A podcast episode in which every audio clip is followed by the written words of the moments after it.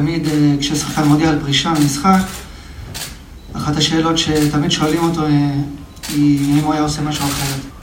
אז כן, אולי הייתי עושה דבר אחד שונה. תגידו לי שזה קצת מוזר, תגידו שזה חלום של כל אחד, אבל לא הייתי יוצא לאירופה. לא הייתי עוזב את הפועל באר שבע. זה היה אמור להיות עוד פרק בעקבות ניצחון של הפועל באר שבע בכדורגל, או לרגל הגעת שתי הגדולות של הכדורסל הישראלי תוך שלושה ימים. ואפילו חשבנו על פרק ספיישל מיוחד לסיכום העשור. ואז הגיע מאור מליקסון ועשה עוד מהלך דרמטי שהשאיר אותנו פעורי פה. ספורטקאסט 7, פרק מספר 151, יניב, פתיח ומתחילים.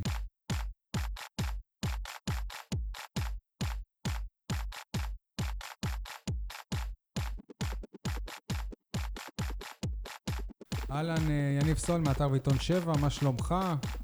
וואלה, יותר טוב מהכדורגל הישראלי, שאיבד היום אולי את השחקן האחרון שקונים בשבילו כרטיסים בשביל לראות כדורגל. אייל חטב מהיציע הדרומי, מה איתך?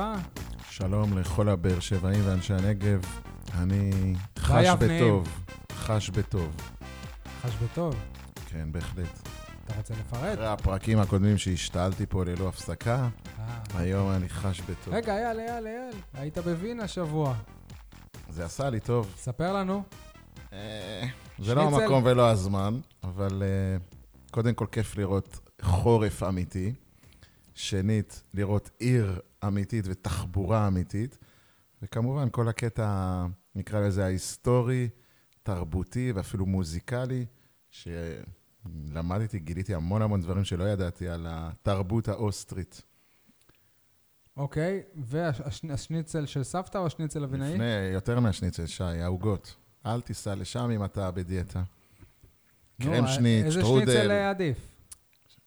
השניצל של אימא תמיד עדיף, אבל uh, גם השניצל אבינאי לא חסר לו. אוקיי. טוב, אנחנו... מליקסון, בניגוד אליכם, לא מתרגש מאירופה, הוא מעדיף את הפועל באר שבע. אני שי מוגילבסקי, ynet וידיעות אחרונות. נתחיל במעגל המרמורים, ואחרי זה נחזור למאור אה, מליקסון.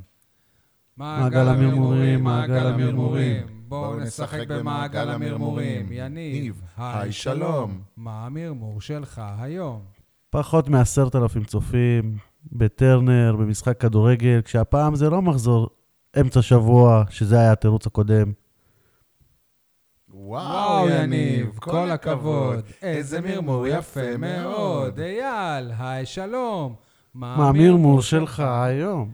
המרמור שלי, אחרי שחזרתי מחו"ל וראיתי מה זה חג המולד אמיתי ומה זה הכנות לקריסמס, אני חושב שההתאחדות לכדורגל ומנהלת הליגות הם חסרי רגישות והבנה לכל השחקנים הזרים שיש פה בכדורגל ובכדורסל, שכן שיחקו בשבוע הזה.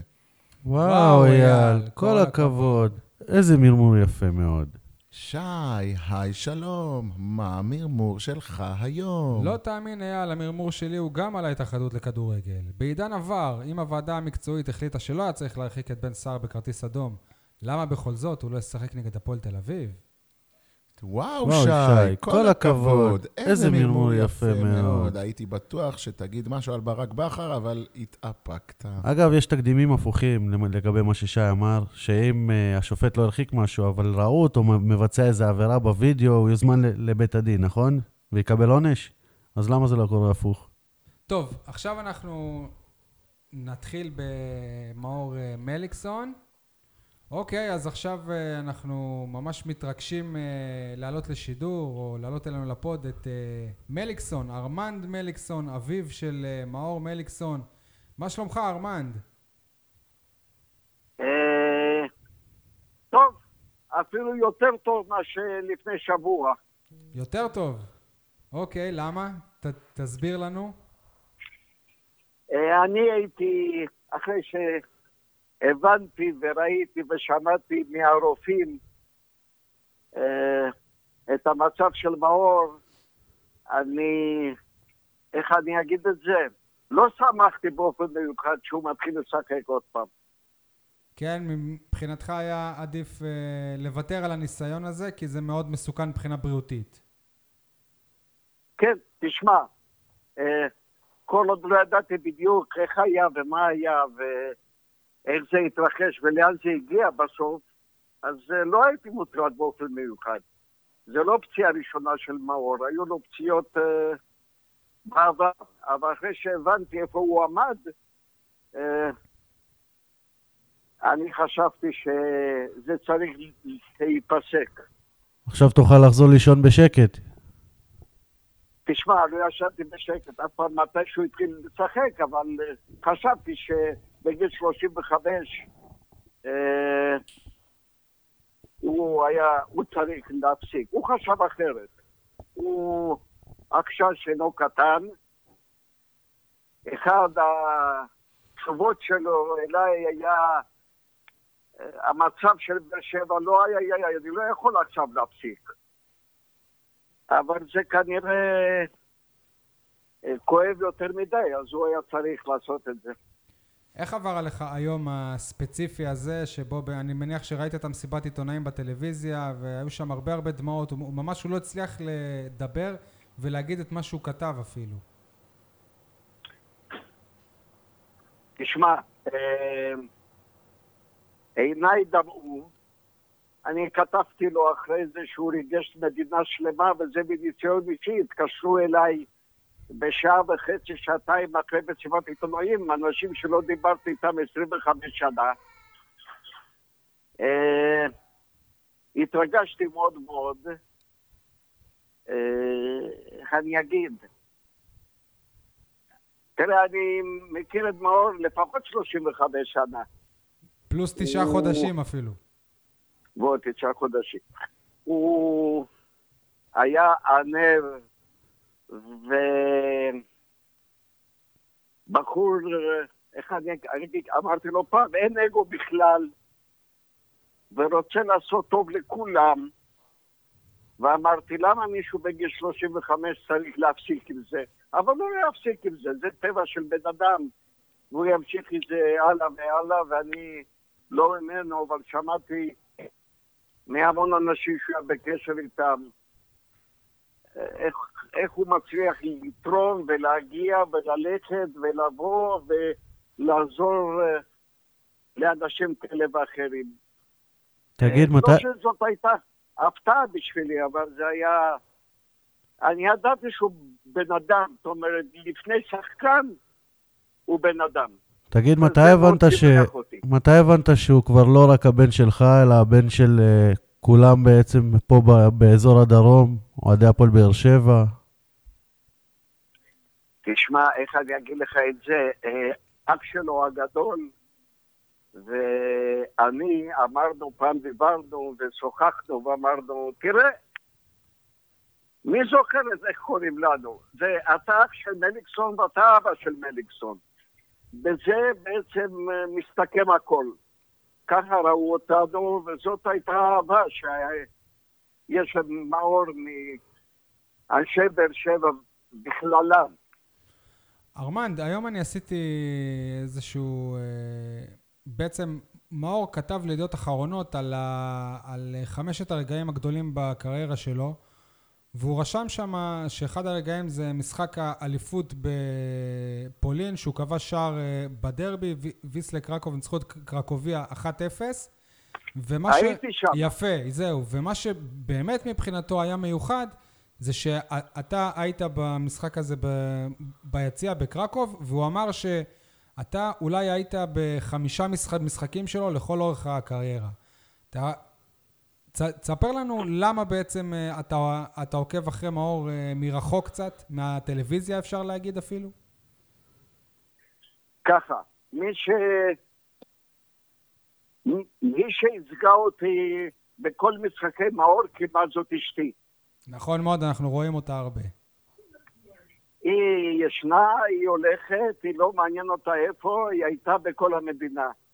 אה, אני קצת שונה, אני לא יכול אה, כעיקרון לשבת ביציע ולשמוע בטח את הקללות נגד מאור, או קללות בכללם. אה, לא יודע, אול- אולי זה חלק מה שעבר למאור בסופו של דבר. אבל אני יותר מופנם, אז... אה, אני חושב שמאור הוא אחד השחקנים היחידים... אבל בביסלה קרקוב היינו, תספר ו- באמת על החוויה שם בוויסלה קרקוב. תשמע, זה אצטדיון שם, אם אני לא טועה, 30 אלף איש. מאור כבר אז היה מוכר, זה היה משחק סוף העונה. היינו כבר איזה שבוע לפני המשחק שם, הסתובבנו. הבנתי שהוא סלבריטי ברמה כלל פולנית. אה, אנשים שאיכשהו העריכו שיש לנו איזו קרבה משפחתית, אה, לחצו לי ידיים בפולנית, ביידיש, בכל מיני שפות מוזרות. הדבר הכי מרגש בסוף היה שכשמור הכניס את הגול ונגמר המשחק, הוא רץ אליי, הוריד את החולצה, נתן לי אותה, אמר אבא, קח להם את החולצה, הם בטח יורידו אותה עוד מעט ממני. אז זה ככה היה, החולצה שלו פה אצלנו במסגרת בבית. תגיד, אבל את, אבל את כל המשחקים אתה רואה מהטלוויזיה?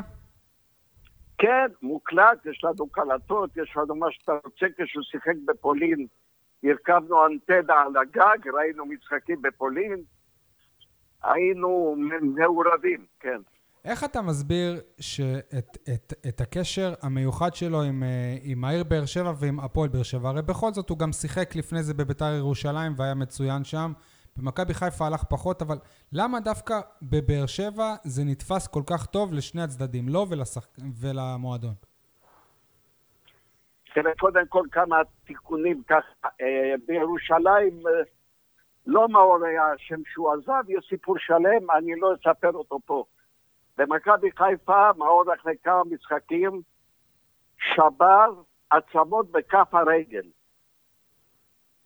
אה, התלונן על כאבים, שלחו אותו לעשרה רופאים בערך שלא גילו מאומה, והוא המשיך לשחק עם כאבים. Uh, מצאנו איזה רופא בהלל יפה, שהוא לא זוכר כרגע את שמו, uh, שלחנו אותו אליו, ואחרי חצי שעה הוא אמר, יש לך שבר בכף הרגל. אז הוא שיחק חצי שנה עם שבר בכף הרגל, ואחרי זה חצי שנה הוא כמעט הושבת בגלל הניתוח שהוא עבר בכף הרגל. אה, פרופסור ניסקה, נזכרתי. ידוע בכפי רגל למיניהם. אוקיי. Okay. את, את הסיפור אני יודע מרוני לוי, המאמן שבא לבקר בבית חולים, וכשיצאנו החוצה הוא זרק לי משפט כזה, אתה יודע כמה קשה לשחק כשכואב לך ולא מאמינים לך? אז זה סיפור מכבי חיפה במשפט אחד שאף אחד לא יודע אולי. אוקיי, אבל כאן באמת בבאר שבע זה חיבור מיוחד, זה לא חיבור רגיל. איך אתה מסביר את זה? מאוד קשה לי להסביר מדוע ולמה. אה, הוא הגיע לבאר שבע, הם היו בליגה לאומית, אז אם אני לא טועה. כן, כן. אה, לא יודע, שמע, זה התחבר, יש כאלה דברים בלתי מוסברים. אה, אהבו אולי מה שהוא עשה למגרש, אהבו איך שהוא עושה את זה. מאור התחבר אליהם אה, מיד, בלי בעיה. גיא לוי קיבל אותו לבאר שבע. גיא לוי המאמן. או, אנחנו שומעים עכשיו את uh, גברת מליקסון, אני מבין. אז כן, גיא לוי הוא זה שקיבל אותו לבאר שבע, לחץ עליו לבוא. גיא לוי... אימן אותו בנבחרת הצעירה. גיא לוי בדיוק המאמן שלו, בא אלינו הביתה, אם אני לא טועה, ואמר לי באור, בוא נשחק. אני באתי, הוא אמר לו, אני הגעתי לבאר שבע, נעשה מזה קבוצה טובה, אני צריך אותך בבאר שבע. מאור קם והלך לבאר שבע. אה, איך זה התחבר? זה התחבר. כנראה באר שבעים זה אנשים חמים מיוחדים. לא כנראה, בטוח. בטוח. מאור זה אדם מתחבר בקלות אל אנשים. אה, כנראה החיבור הזה הצליח. אה, כולם מכירים את מאור השחקן, אבל בגלל האופי שלו, ואפילו ברק בכר אמר היום, מנהיג שקט, והצניעות שלו, לא מכירים מי זה מאור האדם. אולי תספר לנו איזה סיפור כזה ש... שיכול להצביע על מי זה מאור. שלא קשור לכדורגל. אני יכול לספר. אין לי הרבה סיפורים. אני אגיד לך גם למה, כי בערך מגיל שש או שבע מאור התחיל לשחק כדורגל, אז הכל קשור לכדורגל. אה, כן, אגב, הוא אה, הגיע מבית של אה, כדורגל? אה, זאת אומרת, אתה, אתה חובב אה, כדורגל עוד לפני שמאור אה, נכנס לתחום? אף אחד מאיתנו לא. אח שלו הגדול שיחק קצת כדורסל, אבל בזה זה הסתיים. לא, מאור היה בגיל אה, שלוש או ארבע, כשהלך כבר די טוב, היה מחובר אל כדור, היה דופק פה את הכדור על כל הקירות כדי שהשכנים יצעקו עלינו כל הזמן, צהריים, בוקר וערב. עשה לכם צרות הילד. כדור, כל הזמן כדור. ואז הוא נכנס קבוצה, הוא נכנס למכבי יבנה, כי כולם היו, כי היה רק מכבי יבנה. הוא שיחק שבע על שבע, לרוחב המגרש היו משחקים. אה, אתה מבחינתך... אוקיי, כן, סיפור, תמשיך. סיפור פיקנטי. למאור הוציאו אדום בגלל שהוא אמר פעם לשופטת, כשהיה בן שמונה, אני חושב, שהיא הוציאה לו צהוב או משהו לפני זה, או נבדל, אני כבר לא זוכר את האירוע, אבל הוא אמר לה, את שמנה, אז היא הוציאה לו אדום. או-הו, או-הו, זה- לא מאור שאנחנו... אה, ש... זה לא מאור מליקסון שמוכר לנו. וואלה, אתה רואה? בגיל שבע הוא היה אחר. תגיד, כן, אה, אבל זה... כן. אתה מבחינתך, אתה, אתה תמכת בו שהוא, שהוא ילך לקריירה של אה, כדורגל? כי אתה אומר שהמשפחה לא קשורה לענף בכלל. לא, אבל אנחנו תמכנו בו כל הזמן. אה, לקח אותו לאימונים, הבאנו אותו לאימונים, הוא, הוא, הוא שיחק גם בביתר והיינו להסיע אותו לשם בחזרה בהתחלה. הוא גם שיחק קצת באשדוד הוא היה, לפני ביתר, כשהוא אה, אה, עשה מבחנים שם אצל אלישע לוי שהיה מאמן. תגיד, היה, לא, הסתדר, בסוף הסתדר עם ביתר, כן. היה מי אה, שהתבלבל בתחילת הדרך ביבנה וראה את מאור כשוער? אתה מכיר סיפור כזה? לא, לא מכיר. אחד המאמנים הראשונים שלו סיפר שהוא ראה אותו בהתחלה ושהוא לא שיחק קצת כי הוא לא רצה לשחק כשוער והמאמנים רצו לשים אותו כשוער והוא החליף לו את. התפקוד. תשמע, הוא שיחק בערך בכל התפקידים של של אבי גרסקי, משחקים שבעה שחקנים, צריך כל הזמן. אני מעריך שהוא היה פעם שוער, גם הוא פעמיים. אה, הוא היה בלם. הנה, אשתי אומרת מה, הוא היה בלם סופר. דווקא להפועל באר שבע חסרים אה, בלמים עכשיו. יאללה, בדיוק, כן. אבל לעזור. צריכים ב- אבל הם צריכים ב- בלמים עם שתי ר- רגליים טוב- טובות, וזה בעיה. אה, ארמנד, אני רוצה כן. לחזור רגע אחורה לתחילת השיחה על השבוע החולף שעבר עליך. אני, כאוהד הקבוצה, עדיין לא קיבלתי שום מידע מאף גורם, כולל מה שפורסם היום בתקשורת. אני לא יודע מה קרה למאור, שפתאום החליט לפרוש. אנחנו יודעים שבקיץ עבר עליו מה שהוא עבר. הוא חזר בצורה, נקרא לזה, הירואית ל- לפני כחודש. אה, שיחק שלושה משחקים כמחליף. היה בסדר, לא נגיד שזה מליקסון של פעם. אם אני לא טועה, המשחק האחרון שלו היה באשדוד בגביע. הוא הוחלף, ומאז אמרו פציעה קלה. לא, בהתחלה זה היה בגלל שאשתו ילדה. אה, נכון, גם זה. ואז פציעה קלה, ו- וזהו. אבל מה קרה שפתאום הוא החליט להרים ידיים? כי בחצי הראשון של העונה הוא שידר שהוא הולך ל- להתמודד עם הפציעה הזאת ולחזור למרות המצב. אז מבחינה רפואית אני שואל, לא מבחינת... אה, כי הוא אמר היום כן, במסיבת אז- עיתונאים שהוא הרגיש שהוא לא יכול לתת את המאה אחוז, אני, אני מבין אוקיי. אותו, אני איתו. אני לא מבין מבחינה רפואית, מה פתאום השתנה בגוף שלו? אז אוקיי, זה ככה. אה, ניתוח פשוט של בקע אה, הידרדר למצב של ניתוח בבטן וברגל הימנית שלו, שמשם הוציאו לו קרש דם באורך של 30 סנטימטר. זה הסיפור. כן, זה, אבל הוא חזר אחרי זה. השאלה היא מה קרה בשבוע, שבועיים האחרונים, שגרם לו עכשיו לפרוש. כי הוא, כי הוא יכל לפרוש אתם- באחרי בקיץ בעצם. אז אתם לא כל כך מעודכנים נכון. שמאור אחרי כל משחק סבל מכאבים, מהתנפחויות של הרגל בצורה לא נורמלית, אוי אוי אוי. עם תחבושות וקומפרסים ובדיקות כאלה ואחרות עוד פעם, וכאשר נפיחות ירדה, הלך לשחק עוד פעם. כן. ואחרי חצי שעה של מאמץ של המגרש, הרגל מתנפחת, עוד פעם אותו דבר. אז אחרי שלוש דברים כאלה, אני מעריך שמאור אמר עד כאן. הבנתי. זה כאבים, זה, זה סיפור שאינו פשוט. אנחנו ראינו אותו, ו... וסבלתם יחד איתו. ואמרנו לו את דעתנו, והוא הגיע למצב שהוא ראה שזה לא זה. זה מאמץ, בכדורגל זה מאמץ אדיר, גם בזמן קצר, בספרינטים בעניינים, וזה לא עשה לו טוב. נקרא לזה ככה בלשון עדינה. ארמנד, איך אתה רואה את העתיד של מאור בהפועל באר שבע? זאת אומרת, מה, מה מעניין אותו לעש- לעשות בעתיד בהפועל באר שבע? איזה תפקיד?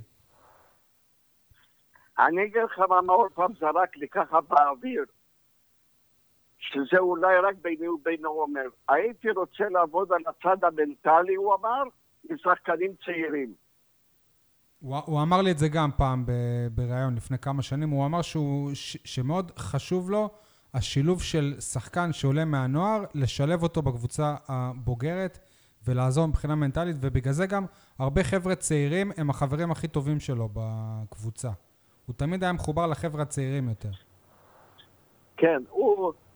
מאור לא נראה ככה, אבל הוא איש מצחיק בצורה בלתי רגילה. ממי הוא ירש את זה? מ- מ- מארמנד או מהגברת? כעיקרון עכשיו אני יכול להשוויץ ממני, אבל... אה, כן, אבל הוא מצחיק, יש לו בדיחות, יש לו שליפות. אימא שלו הפולניה אומרת שזה ממנה. אבל אה, זה הוויכוח שלי כבר אה, 50 שנה איתה. אני, אבל מ- זה אני. מציע לך להפסיק עם זה, כי uh, אתה תפסיד בסוף. אה, אני הפסדתי כל הזמן, מה אתה רוצה? אני ארמנד, הייתי בהפסדים. כן, אה, כל. הזמן. כן, אשתך פולניה, ומה אתה? מאיזה מוצא אתה? רומני. רומני, יפה. ו... ומה עשית בחיים, אם אפשר לשאול, שככה נ... נכיר קצת את הרקע של המשפחה? ככה, הכרתי את אשתי בכפר נוער בן שמן בגיל 11, ומאז אנחנו יוצאים. לא, היא מתקנת אותי, זה פולניה, היא אמרה 13. אז היא צודקת. היא בטח צודקת, מה אתה מדבר? והתחתנו בגיל 21. אני הייתי אז סמל בצבא, המשכתי, אחרי 25 שנה השתחררתי בתור סגן אלוף בחיל אוויר. עשיתי עוד כמה דברים. סגן אלוף בחיל צבא. האוויר, יפה מאוד. מה? סגן אלוף בחיל האוויר, יפה מאוד, קריירה מרשימה. כן, הייתי סגן אלוף בחיל אוויר, לא טייס, איש צוות קרקע. אוקיי. אה, אחרי זה השתחררתי, יצאתי לפנסיה, עבדתי בעוד כמה מקומות שלא חשובים כרגע, ויצאתי לפנסיה השנייה עוד פעם אה, בגיל 67. ואשתך... אשתי עבדה בבנק 35 שנה, וגם היא פנסיונרית. אני אמרתי שאני מוכן לשלם בבנק חצי מהמשכורת שלה אם מחזירים אותה, לא הסכימו. כן, כן, אז כנראה שבאמת ההומור זה, זה כן. מהאבא. תגיד לי משהו, כן. ל... אם, אה, אם הייתי שואל אותך לפני 20 שנה, אם מאור הוא לא יהיה כדורגלן, מה הוא היה לדעתך? לא יודע. אנחנו אף פעם לא ראינו משהו אחר, למרות שיש הפתעות בחיים. תשמע, קוסם. אספר לך עוד פעם סיפור קצר, מאור שיחק פה עם נבחרת הילדים, בסוף שנה היו עושים מסיבה גדולה, מחלקים לכל ילד גביע, כל ההורים היו.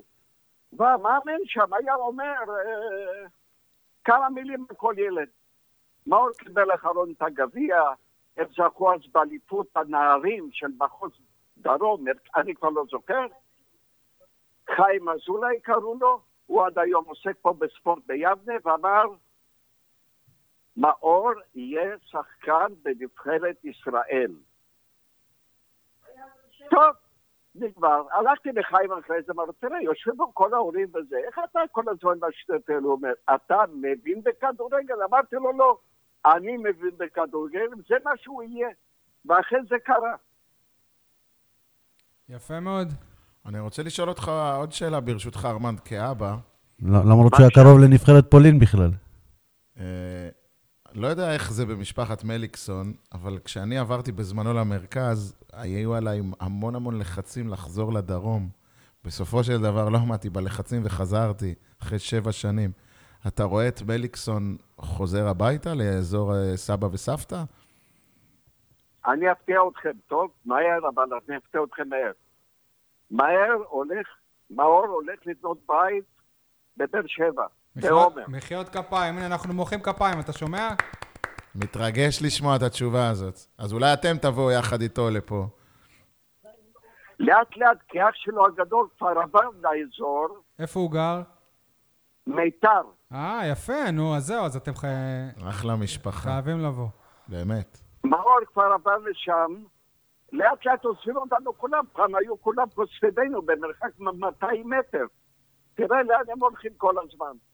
אז כנראה גם אנחנו נבוא לאט לאט, אם יש בית אבות טוב שם. בונים עכשיו בלהבים, משהו ברמה גבוהה. הנה, בבקשה, תהיה קרובים. יאללה. לא, מאור, מאור התאהב בבאר שבע, הוא החליט ש...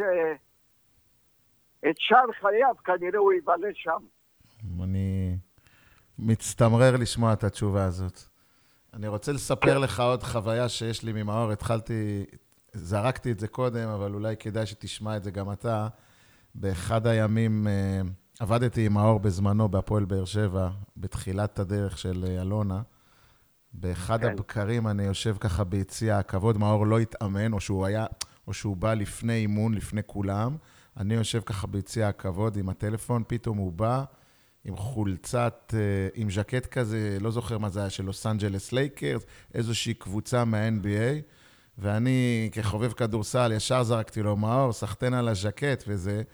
ואז הוא ישב והתחיל לעשות לי הרצאה שלמה על כל מה שקורה ב-NBA, וקבוצה אחרי קבוצה, ושחקן אחרי שחקן, ואת מי הוא מעריץ, ואיך הוא קם בלילות לראות משחקים, והייתי בהלם, כי אני הייתי בדעה ששחקני כדורגל לא בהכרח אה, חובבי כדורסל ולהפך.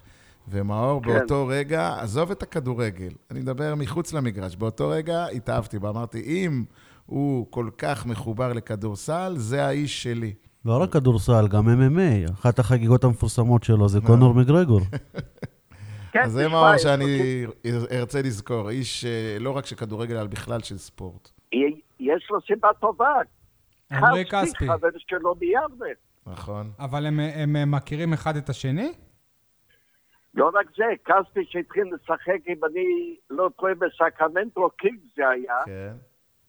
הוא דאג לשלוח חולצה דרך אימא שלו למאור עם חתימה והמספר שלו.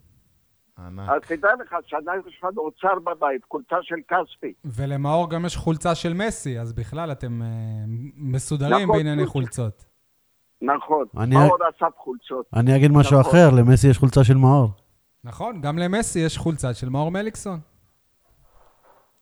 אין לי שום ספק שלמסי יש חולצה של מאור מליקסון, אני מקווה שהוא לא מכר אותה בהרבה כסף. אוקיי. ארמן, באיזה אירוע. שמחנו כן. להכיר אותך. אה, נהניתי מאוד לשמוע אותך. אנחנו מבינים עכשיו גם למה מאור הוא כזה איש מקסים. הוא בסדר, אנחנו... תראה, יש לי ארבעה ילדים, שני בנים ושתי בנות, ואיכשהו כולם יצאו בסדר. זה סטטיסטית לא מסתדר, אבל זה בסדר, זה עובד ככה. פולני ורומ...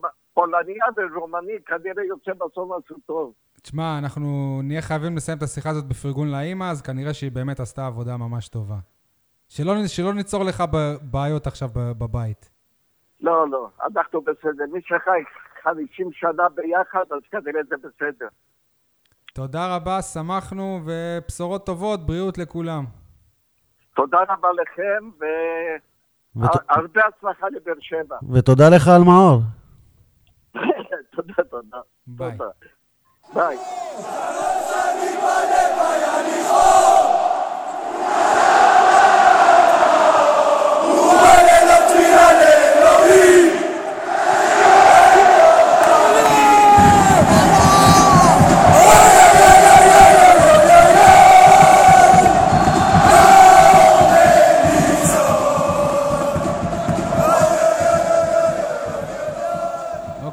אחרי ששמענו את אה, ארמנד מליקסון המקסים, המ- המ- המפתיע, אה, בואו קצת אה, נדון אנחנו בעניין הזה. זה, זה היה על הפרק מתחילת הקיץ, אבל הוא איכשהו חזר, ובכל זאת זה תפס אותנו מאוד בהפתעה. תחושות שלכם, אחרי מסיבת עיתונאים, הייתה מסיבת עיתונאים מיוחדת, אני לא זכור לי ששחקן בא למסיבת עיתונאים ובאמת לא מצליח להגיד כמעט כלום. המשפט הזה ששמענו בפתיח, זה הכי הרבה שהוא הצליח להוציא. שחקן בבאר שבע. לא יודע. קודם כי- כל, כי אצלנו שחקנים, קודם כל, מודיעים שהם פורשים, אבל פורשים בעצם באיזה משחק אחרון בסוף עונה, או כמו אילוז, לא, לא פורשים בכלל ועדיין משחקים לאיזה משחק פרידה, מחכים לאיזה משחק פרידה. אני רוצה להגיד שהפרישה של מליקסון הייתה חץ בבטן או בלב, ממש ככה.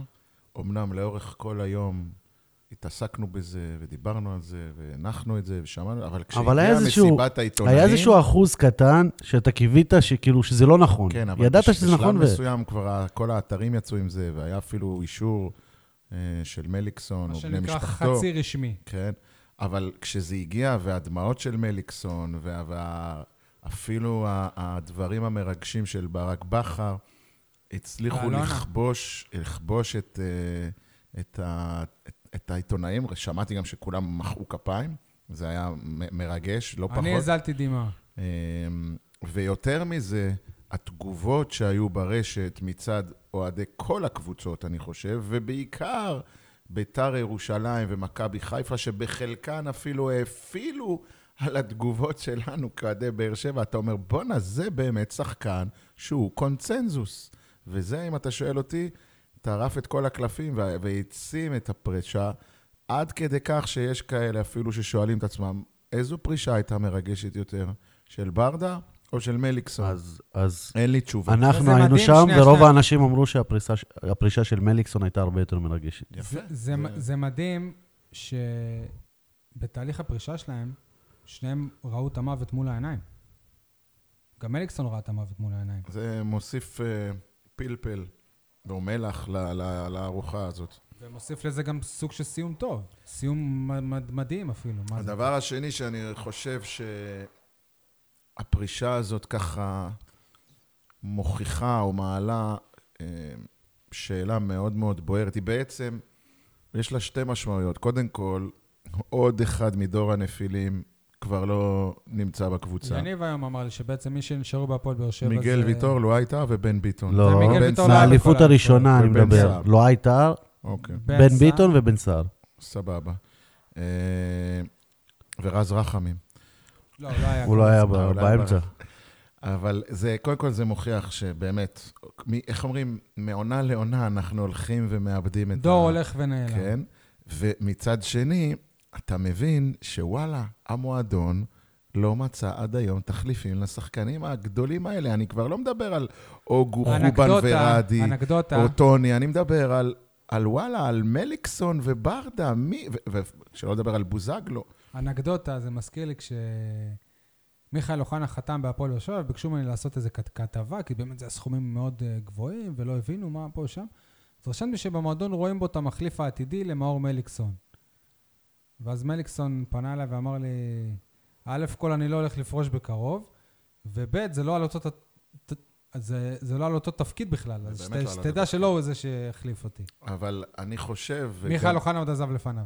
אני מה, מה, מערך מהשעה ארבע וחצי, יש דבר אחד שיש לי בראש, ואני נוהג איתו, והולך איתו, ויושב איתו בסלון, וזה דן ביטון. אם יש שחקן בכדורגל הישראלי, ישראלי אני מדבר, שיכול להיכנס לנעליים של מליקסון ולהיות אהוב בקהל ולהפוך להיות סמל, זה דן ביטון. אני חושב שאלונה מסוגלת, אם היא רוצה, להסתער על דן ביטון, כי אנחנו שמענו כל מיני שמות של ישראלים שעשויים לבוא לפה כניסייפים וכאלה. להסתער על דן ביטון, אני לא יודע מה מצבו בבולגריה, אני לא יודע מה התוכניות שלו, אבל אפשר לפתות ולשכנע אותו להגיע לכאן ולהיות סמל מועדון, במקום מליקסון. ואיזה תמונה אני שלחתי לך מה... אני עברתי על, אה, לצורך אה, כתבה בעיתון, על, על תמונות ממשחק האליפות נגד בני, בני סכנין, ואיזה תמונה אני שלחתי לך, ככה בלי שדיברת איתי בכלל על... כן, העניין. דן ביטון ומליקסון מחובקים. תגידו, אתם חושבים שזה מקרי, התאריך ו- וזה, כאילו, על, ה- על ההכרזה של הפרישה? הראשון, הראשון, 2020, שיזכרו טוב את התאריך הזה, לא? אם הוא היה עושה 24 ב- לראשון, זה היה קצת יותר אה, סמלי. 24 של הראשון. כן, אה? 24 לראשון. מה- אה, עוד שאלה, רגע. עד עכשיו אמרנו מאור יש רק אחד, כמה יש עכשיו? מאור, מאור קנ- קנדיל עוד משחק במכבי, נכון? שאלה טובה. אנחנו נמצא, נמצא שיר אחר. אה, מה בעצם אתם תיקחו מה... הכי הרבה אתם תזכרו מהקריירה של אה, מאור? יש כל כך הרבה. אני מבחינתי, מאור מליקסון זה דמעות, ולא רק היום. זה דמעות כי אני זוכר מאוד את הדמעות שלו, גם דיבר על זה היום ב... כש... כשהוא עזב את הפועל באר שבע, וזה היה מאוד נדיר, אני חושב ששחקן עוזב ומקבל אהבה אדירה, אבל פורץ בבכי, ואני הייתי שם על, על הדשא וצילמתי את זה ממש שי, קרוב. אבל שאלת מה תזכרו מהקריירה, לא, לא, שנייה, העיתונאים. אז שנייה. אני לא מדבר על מסיבת עיתונאים, אז אני אומר, הדמעות ההם, הדמעות מה, מהגביע, שהוכיחו לי עד כמה הבן אדם אוהב את המועדון. מהשש-שתיים? כן, הוא מירר בבכי חבל נו, הזמן. מי לא בכה? הוא השחקן היחיד שבכה. למה? תתפלא. לא, לא מאמין. לא מאמין. בחדר ההלבשה זה אולי מה היו שאתה עוד, תזכור אה, ממנו, את הדמעות לא, בשש-שתיים? שנייה, שנייה. לא, אני רוצה לשמוע. א' כל הדמעות האלה זה, זה, זה כאילו אהבת המועדון, אני, אני מדבר קודם כל לפני המקצועי. אה- אה- אהבת המועדון, ובאמת זה שאתה ראית את זה גם שכאילו, הוא, הוא, לא, הוא לא מתבייש להראות שהוא מתבייש. כאילו, זה מין אה, קטע כזה. לא, הוא מתבייש להראות שהוא מתבייש. עוד, עוד דבר שאני... כל פעם ש... ש... הוא נבוך. אבל זה קורה, כן. מליקסון זה אחד ש... שאין לו בעיה של שפה או התנסחות או משהו כזה, אבל כל פעם שיש משחק פחות טוב או איזשהו מצב שהוא לא רוצה לדבר עליו, הוא פשוט מוריד את הראש, עובר, עובר ליד עיתונאים, כאילו, כאילו לא נעים לו על זה ש... שהוא לא עונה להם אפילו. ליד עיתונאים תמיד הוא עובר בראש שמוט, אבל בכל מקרה, דבר שאני אזכור שוב, לפני שאני אגיע לכדורגל עצמו, יצא לי פעמיים לראיין אותו, אחד על אחד, ובפעמיים, ואנחנו מכירים והכול, ופתוחים אחד לשני, ואתה ראית עד כמה יש לו חוסר נוחות בזמן שזה קורה שאני מראיין אותו.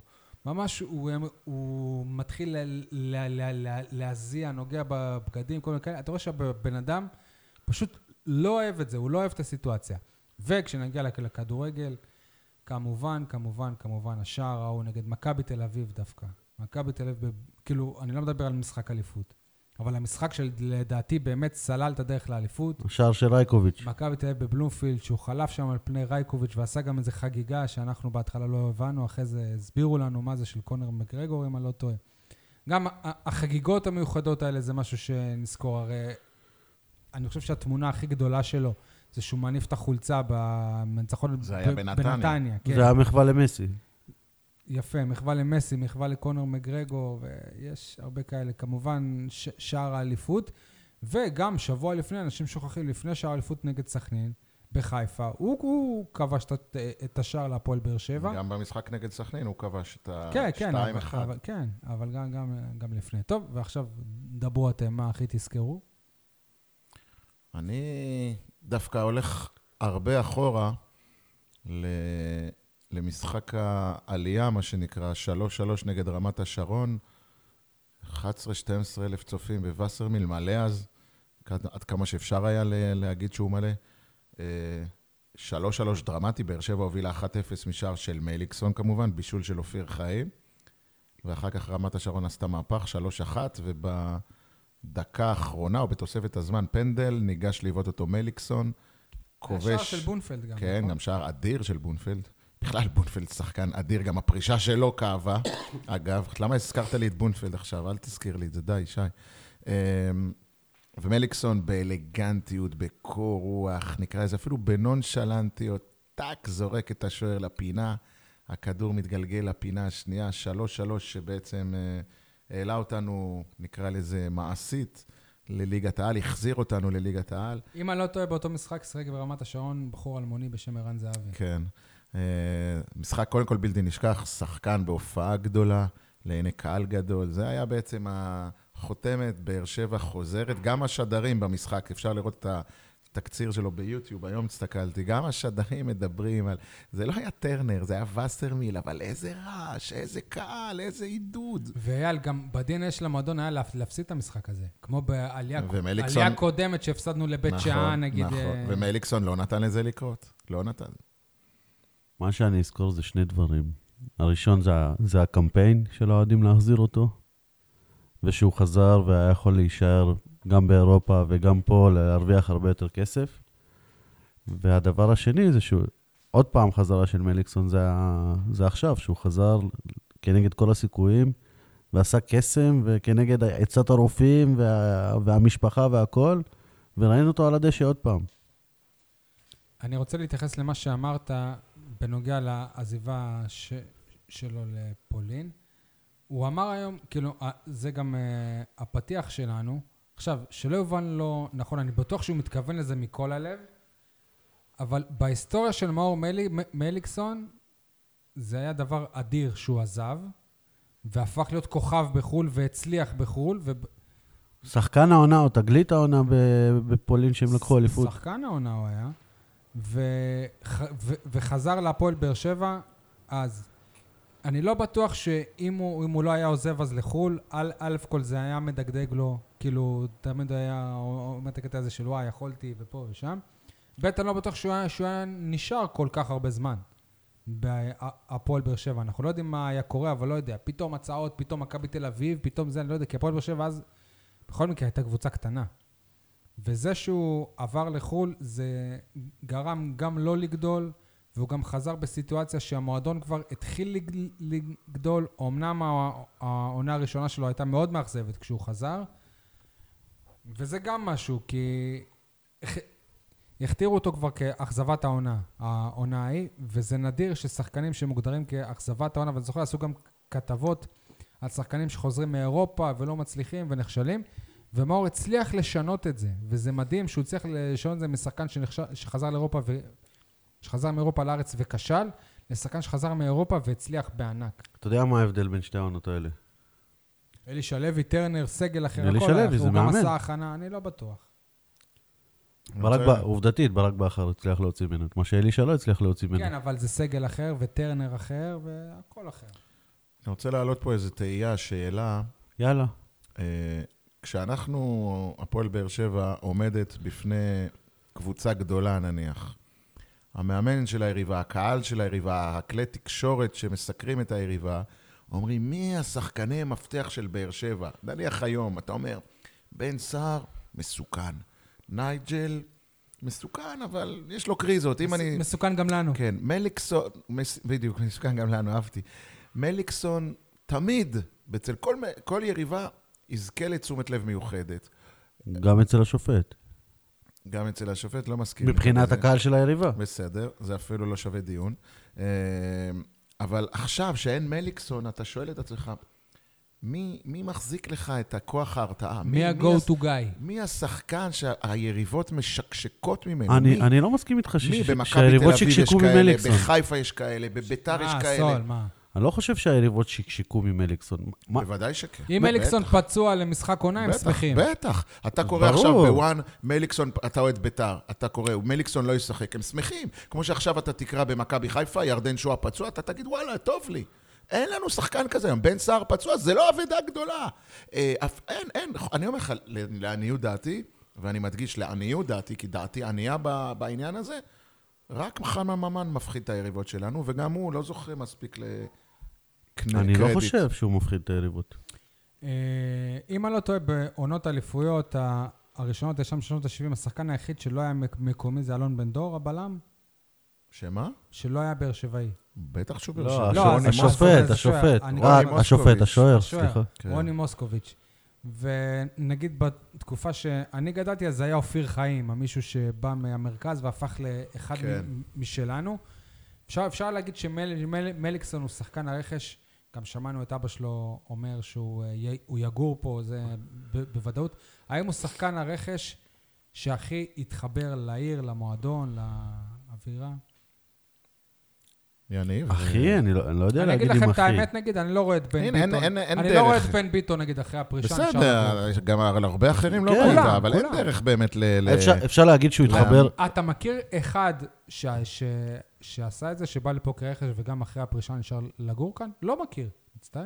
יעקב, אה, לא יעקב כהן. אה, כן, כן, יש, שכחתי. אוקיי, סבבה, זה ממש... ק- הפתעת אותי. וזה ממש קשה להיזכר בו.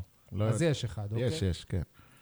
יש דוגמאות, ואפילו לא כאלה של אגב, סטארים, הבחור- כוכבים. הבחור שעשיתי עליו אה, כתבה לפני יום הזיכרון, סליחה שאני לא, לא, שאני לא זוכר את השם שלו, שהיה חלל, אה. חלל צה"ל, דניאלי, דניאל דניאלי, כן. בוודאי, דוגמה מצוינת. אבל הוא לא היה כוכב. בוודאי שהוא היה כוכב באותה, באותה שנה, הוא הגיע לכאן כ- כרכש. כן, נכון, אבל זה לא ברמה של מליקסון ש... השחקן שאני התכוונתי זה פרנקו, חיים פרנקו. גם הוא היה, הוא היה מהפועל תל אביב, הגיע לבאר שבע, השתקע בבאר שבע, והידרדר גם בבאר שבע מכל הבחינות. זהו, אני לא רציתי חושב- להכניס את לא זה. חושב ועכשיו- שזה נכון להכניס את השם פרנקו ב- לא בתוכנית משנה, עם זאת, שי. אה, עובדה. למה? הוא מתחיל להתחמם. אני לא הבנתי. דני פרנקו, שי. אה, דני פרנקו, בסדר. אז גם בכר, אל תגיד יותר. מה עוד אתם אה, רוצים להגיד עליו? שאני לא רואה איך, באמת, אני לא רואה אותו איך, איך, איך, אני לא רואה את המועדון מצליח לשלב אותו בתפקיד שיהלום, ש, ש, שיהיה תואם את מידותיו של מליקסון, והוא לא יהיה בבחינת אה, פיחות. יש יש לי שוב, רעיון, יש לי רעיון, שמענו את אבא שלו. אין לא. לבאר שבע אין לבאר שבע יועץ מנטלי. לא, אבל הקטע שזה משהו אולי לא. גם אבל שצריך... זה לא חלטורה. לא, אייל, שנייה, אבל שנייה. אבל כמה זמן מה לוקח זה, ללמוד זה את לא זה? חלטורה, לא שנייה. יודע, אבל צריך. להיות איש מה- מהתחום הזה. אני חושב שמה- אני חושב שגם... אייל, ההפך, אבל התחום הזה היום רגע, הוא כן סליחה, חלטורה. איתן עזריה, הוא כן חלטורה. אלטר עזריה למד, הכשיר את עצמו, התנסה בקבוצות אחרות, חכה. אה, אני חושב שמה מה שמאור דיבר בראיונות, זה לא בקטע מנטלי, אלא בקטע של ליווי. כן. דרך אגב, דיבר על זה זה- גם ליאור שלגי זה מה שהיה שלי פה. הוא אמר.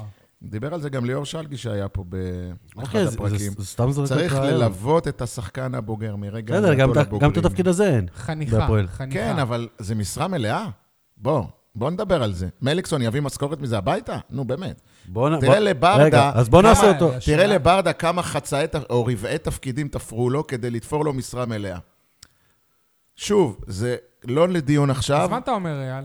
לרגע, זה לא לדיון עכשיו, אבל אם תרצו באחד הפרקים הבאים, לדעתי הפועל באר שבע צריכה לחשוב מחדש על התפיסה, על, המ, על המבנה הארגוני שלה, על הפירמידה, איזה עמדות, איזה תפקידים, איך, איך, נראה, איך נראה את השדרה הניהולית של המועדון, ולפי זה לשבץ את האנשים. יש עוד שחקני עבר, אה, גם אנחנו, אני עוד אישית מחכה שחובן יחזור לפה ואיזה תפקיד יתפרו לו אחרי שהוא יפרוש. יש הרבה, אני מניח שאולי גם מיגל ויטור ידברו עליו, אולי ישתקע פה, לא יודע, אבל שחקנים באים, שחקנים... שיר הולכים. צדק. תראו איך זה במועדונים באירופה, אה, איך, איך נעשה עם אה, שחקני עבר מפוארים. לא יודע מה ייתנו למליקסון. באמת. אה, מאור, ממה שדיברתי איתו אז בראיונות, לא, לא הייתה לו איזו שאיפה לאמן. מצד שני, גם לברק בכר לא הייתה אף פעם שאיפה לאמן. לא, לא, שחקנים כאלה זה. לא צריכים לאמן, הקריירה, כמו אבי נימני, הוא יגמור קריירה. ראית איך אבי נימני, סמל, אין כמוהו ב- בכדורגל הישראלי, לפחות במכבי תל אביב, איך שהוא... אם אני לא טועה, יש לו כמה תעודת משחקים מאמן. היה במכבי תל אביב, ונזרק, נבעט משם. יש לו תעודת מאמן, לא?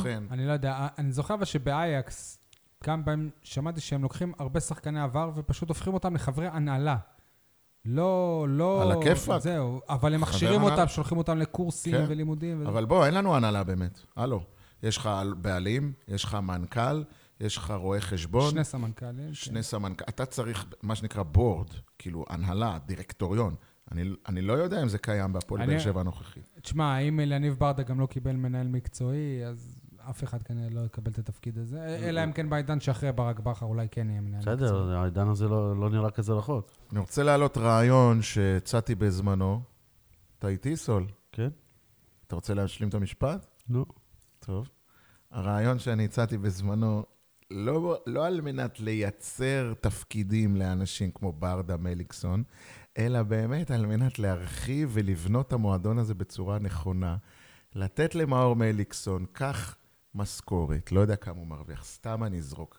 קח 20 אלף שקל בחודש, ותקציב, בוא, בוא נודה על האמת, לאלונה אין בעיה של כסף. כשהיא רוצה אני לשפוך יודע מזומנים, מה- היא יודעת. מה אתה הולך להגיד. וכך תקים לי קבוצת בת. אתה תהיה הבוס, אתה תהיה אסי רחמים של אה, עירוני נתיבות דימונה. בליגה ב', או דימונה בליגה ב', ואתה תיקח את השחקני נוער, אתה תיקח את כל השחקנים שבאזור, אתה תהיה הבוס, אני לא מתערבת.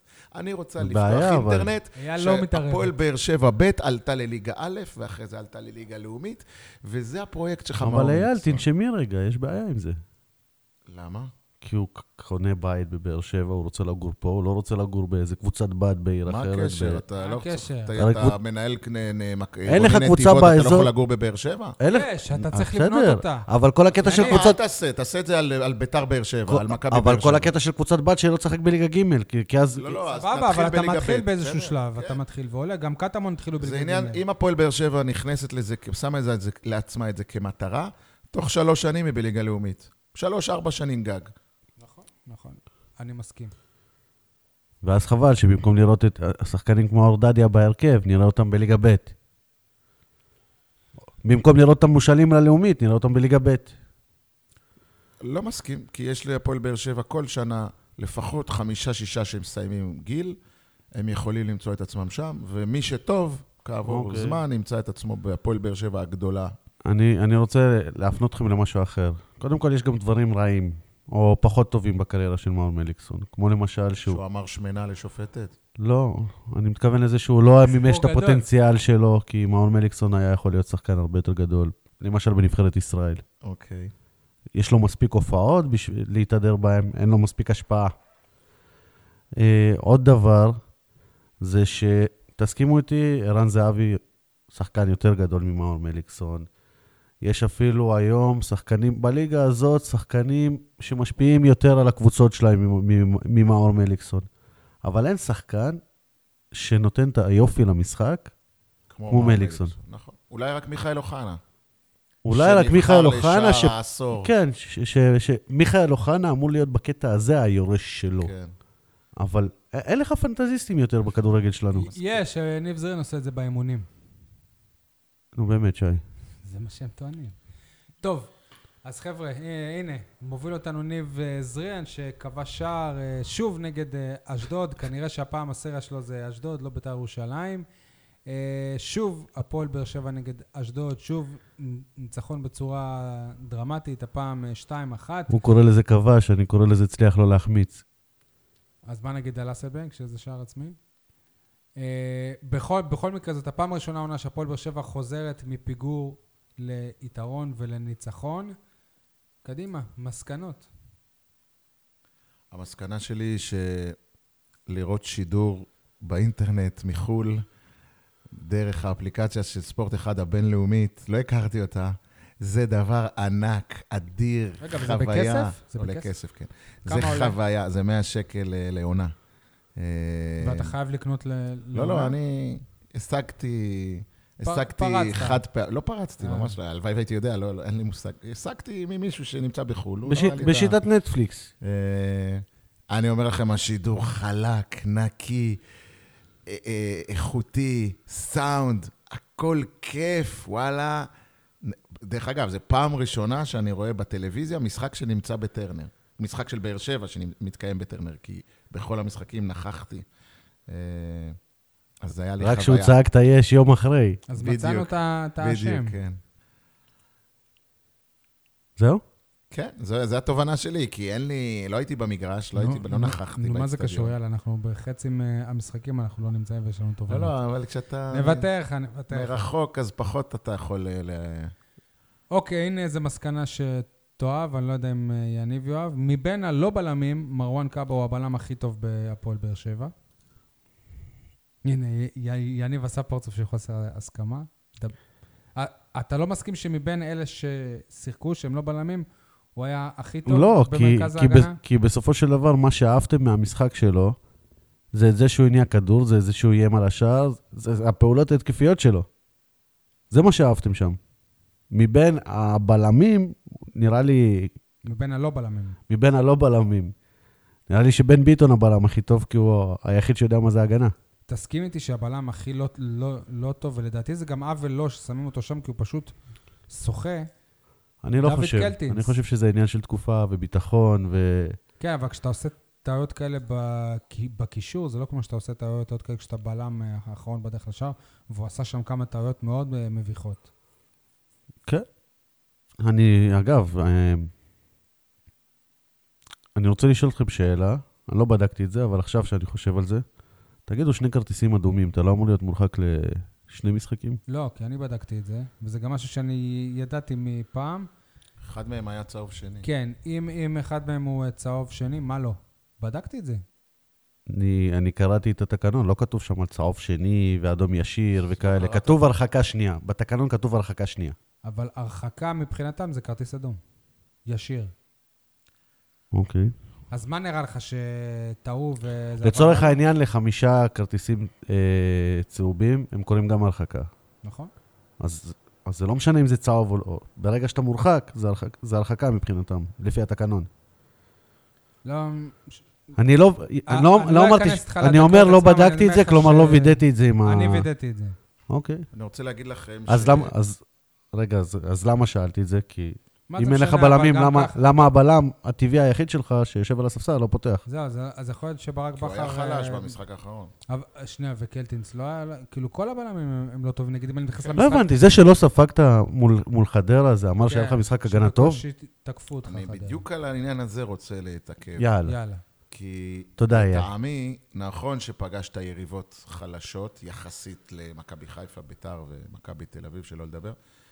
עדיין, אני חושב, אני רואה את המשחק, ושוב, דרך הטלוויזיה, משחק ההגנה של הפועל באר שבע השתפר לעומת המשחק עם ביתר ירושלים, לעומת המשחק עם מכבי חיפה. מסכימים איתך, אייל, אבל השאלה אם זה השתפר. לא, אני לא מסכים. עוד לא סיימתי. אה, שיטת שלושת. הבלמים. לא, אני- לא נכון. אני, אני, יש לי המון ביקורת על ברק בכר. אפשר להגיד שיש לי כיום, בנקודת הזמן הזאת, יותר ביקורת עליו מאשר דברים טובים. אבל עצם העובדה שבתקופה הקשה הזאת, במצב הלא טוב של הקבוצה, הוא מנסה בכוח והולך עם זה, מטמיע את שיטת שלושת הבלמים, למרות שאין לו בלמים, אני מחזיק ממנו על הצד הזה. זה מאמן יוצר, זה מאמן ש, שמנסה להכתיב... עקבי ושיטתי. לא תמיד זה הולך. אבל עדיין, שיטת שלושת הבלמים. נכון, קלטינס לא בלם, ומרואן קאבה הוא יותר קשר מאשר בלם, ובן ביטון אה, גם כן לא בלם, אה, בוא נודה על האמת. אבל זה שיפר את משחק ההגנה שלך ממש לא. בצורה... אתה יודע למה אני חולה על השיטה רגע, אבל תן הזאת? לי לענות, זה אוקיי. ממש לא שיפר. היריבות היו יותר חלשות. אני מסכים. שיחקת מול. ביתר, לא, לא. זה לא. אני- ומכבי חיפה. אני, אני אומר לך, באנו נגד ביתר, לא היה כוחות המשחק הזה. נכון? הלכנו לאשדוד, היה לנו הגנה מסננת. נו. ואז שני משחקים, נכון, שוב. שני משחקים חדרה מול קבוצות של- שאין להם חדרה התקפה. חלשה, ואשדוד, אבל זה עדיין אותה אשדוד שפגשת שבוע לא אותה. אשדוד. זה זה. לא אותה אשדוד. פשוט במגרש? אחר. זו אותה אשדוד, פשוט במגרש אחר. יאללה, אבל הביכה אזולאי. אותך, אייל. מה? אבל הם הגיעו להזדמנות הם הגיעו להזדמנויות, אבל הרבה אה, פחות מהמשחק בבית. בסדר, אבל גם אתה הגעת להרבה פחות זה הזדמנויות. לדעתי, א', כי מרואן קאבה אה, אה, השתלב יפה, וב', כי שיטת שלושת הבלמים מתחילה, אני לא אומר שהיא נותנת פירות, אתה מתחיל לראות עתיד. אני, שוב, אני נזהר בדברים שלי, אני מזהה מגמה, או אתה- התחלה של מגמה. אתה יודע למה אני חולה על השיטה הזאת? כי זה, זה נותן לי עוד שחקן בית בהרכב. סבבה, זה... דדיה, נו, רוח זה סתם לחזור על עצמכם. במצב- במצב הראשון שהיה לאשדוד, הבקיע שער, היו שם משקופים, כן, אבל מה זה קשור השחקנים של לאור- אשדוד הגיעו, יניב, אבל מה זה קשור לאור, לאור דדיה? לא קשור לאור דדיה, היה לו משחק מצוין אפילו. לא קשור לאור דדיה, אבל אתה רוצה, אתה רוצה לשים אותו כמגן ימני? שים אותו מגן ימני. למה אתה צריך שלושה בלמים ומגן ימני? במיוחד שמגיעים אליך כל הזמן למצבים דרך האמצע עם שלושה בלמים. לא, לא, הבעיה שלך היא לא בהגנה, יניב. עכשיו, במשחק ההגנה. עכשיו הבעיה שלך היא בקישור. במשחק ההגנה. המשחק ההגנה, אוקיי, תקרא לזה ככה, אבל משחק ההגנה שלך רך בגלל שהאמצע שלך פרוץ. אם היה לך, למשל, ג'ון אוגו, שאני לא יודע אם, אנחנו, אם תכננת, שי, לקיים דיון האם חזרתו של אוגו נחוצה לקבוצה כרגע או לא, כי זה גם כן משהו שעולה ל- על הפרק כבר שבועיים, שלושה. במועדון הם טוענים שזה לא על הפרק. אוקיי. עוד שחקן שהמועדון הפריש והוא לא יודע אבל את זה העובדה שאין לך. קשר אחורי אמיתי, גרזן, שעדן שמיר הוא לא כזה, ונאור סבג הוא לא כזה, ודוד קלטינס הוא גם לא כזה, והוא גם משחק אני בלם. חושב שהכי אבל כזה זה אין לך אף יוספי. קשר אחורי יוספי קלאסי. לדעתי. יוספי גם לא קשר אחורי אה, אתה יודע מה אתה קלאסי. אומר עכשיו? את מה שאמרתי בתחילת העונה ולא הסכמתם. לא, לא. שאמרתי שכולם אותו שחקן, אבל אף אחד מהם זה לא קשר אחורי. א', לא חושב שלא הסכמנו. למיטב זיכרוני, דווקא בעניין הזה כן הסכמנו. אמרתי אבל- שגם קאבה הוא לא- הוא לא גרזן. אנחנו לא בנינו על קאבה כגרזן. כולם- כולם זה לא אותה בנינו- עמדה. אוקיי. זה פחות או יותר רוצה ה-50-50. שנייה- אני רוצה שנייה לצאת ב- בכוכבית שנייה. מה אתם חושבים על נטע לביא? אחלה קשר אחורי, נכון? לא תביא אותו. לא, לא. אז מה אתה רוצה? לאן אתה חותר? נכון, הוא אחלה. שכולם אמרו שהוא היה לא טוב בהתחלה. איך הוא היה לפני שנה ושנתיים וכמה הוא שיחק מאז? לא בדקנו. הם בנו אותו, הם בנו אותו, מכבי חיפה בנו אותו. לא חושב, מההתחלה- מה שאתה לא עושה, אתה לא אבל בונה את א', יוספי. א', אנחנו מסכימים. יוספי ונטע לביא זה א', אותו אנחנו דבר. מסכימים על העניין הזה. ב', אני רוצה לעצור... אין את לך שבע שנים רעות לתת בשביל לבנות את אה, תומר יוספי. כאילו, שי, תביא קבוצה טובה, שתרוץ בצמרת, ו- ותריץ את יוספי בתוך ההרכב, ס- כאילו, סבבה. אבל בסדר. שכל הקבוצה לא טובה, יוספי לא יהיה טוב. סבבה. זה יעשה לו עוול. אבל הם המשיכו איתו. לא, לא, אבל איך אתה הלכת למקום הזה של יוספי עוד פעם וזה? אני, אתה, אתה נתת עכשיו את נטע לביא, כאילו, סבבה, שחקן, אבל הוא לא היה כזה. שחקן ליגה טוב. הוא לא, הוא לא כוכב. למה? הוא לא כוכב. הוא לא הוא כוכב. אחד השחקנים הכי לא. טובים של חיפה הוא לא, העונה. אפילו לא בנבחרת. אם אתם לא תעקבו אחרי. חיפה, הוא אחד השחקנים הכי טובים. אני, אם אני באמת אה, רוצה לראות קשר אחורי בפועל באר שבע, אני רוצה לראות מישהו שהוא, אתה יודע, level נבחרת. אתה רוצה לפתח את עניין נוגו? אתה רוצה כזה. לפתח את עניין נוגו אם להחזיר או לא? אני חושב, דעתי האישית, שזה טוב שלא מחזירים אותו. אני יוצא מנקודת הנחה שבאמת, כמו שחברים שלו אומרים, שהוא רוצה והוא מת לחזור. אני זוכר איך אה, וויליאם סוארז חזר בקדנציה השנייה שלו. אני זוכר איך שרמי קיאז'רסקי היה פחות טוב בקדנציה השנייה שלו. אני, יכול להיות שאני גם טועה, אני חושב שגם גוסב היה פחות טוב בקדנציה השנייה שלו. אני חושב שבאר שבע צריכה שחקן כמו אוגו, אבל כאילו צריך להתקדם. אוגו כבר, כבר לא יהיה מה שהוא היה, גם ראינו אותו בעונה שעברה, הוא היה פה. זה כבר לא היה אותו שחקן. כן, עוד... זאת אה, לא הייתה אותה קבוצה. טוב, בואו בוא נדבר על מי שגם בקישור, אי אפשר להתעלם מזה שלז'וסווה זה היה המשחק הכי טוב שלו במדעי הפועל באר שבע. אה, אני ביקרתי אותו לא בטוח, במשחק מול קריית. שמונה, שהוא נתן את הבישול שם, הוא גם היה במשחק טוב. היה לו רק את הבישול, ו... חוץ מהבישול, אמרנו איזה זר הבאת. פה היו לו הרבה הרבה דקות אה, טובות. אוקיי. הוא היה המנוע. איזה יופי זה לשמוע את אייל אומר את זה. יכול להיות כי שש... בניגוד אליך, אני לא מקובל. שחקני, שחקן נותן משחק, אם מרואן קאבו נותן משחק טוב, ואתה לא אייל, מסוגל היום לפרגן. אייל, סליחה ש... אנחנו חלוקים, אבל- אני כן מסוגל לפרגן אבל. סליחה שגם הייתי מקובל, זה שהוא שחקן.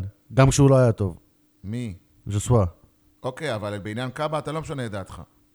סבבה. אני יכול להגיד שהיה לו משחק מצוין, אני חושב שהוא לא ברמה שהפועל באר. שבע שואפת אליה. עובדה שלא אמרת. כי עדיין לא הגענו אליו. מה זה משנה הרמה שהפועל באר שבע שואפת אליה? גם- גם עדן שמיר הוא לא ברמה של להיאבק על אליפויות וזה. מה- נכון?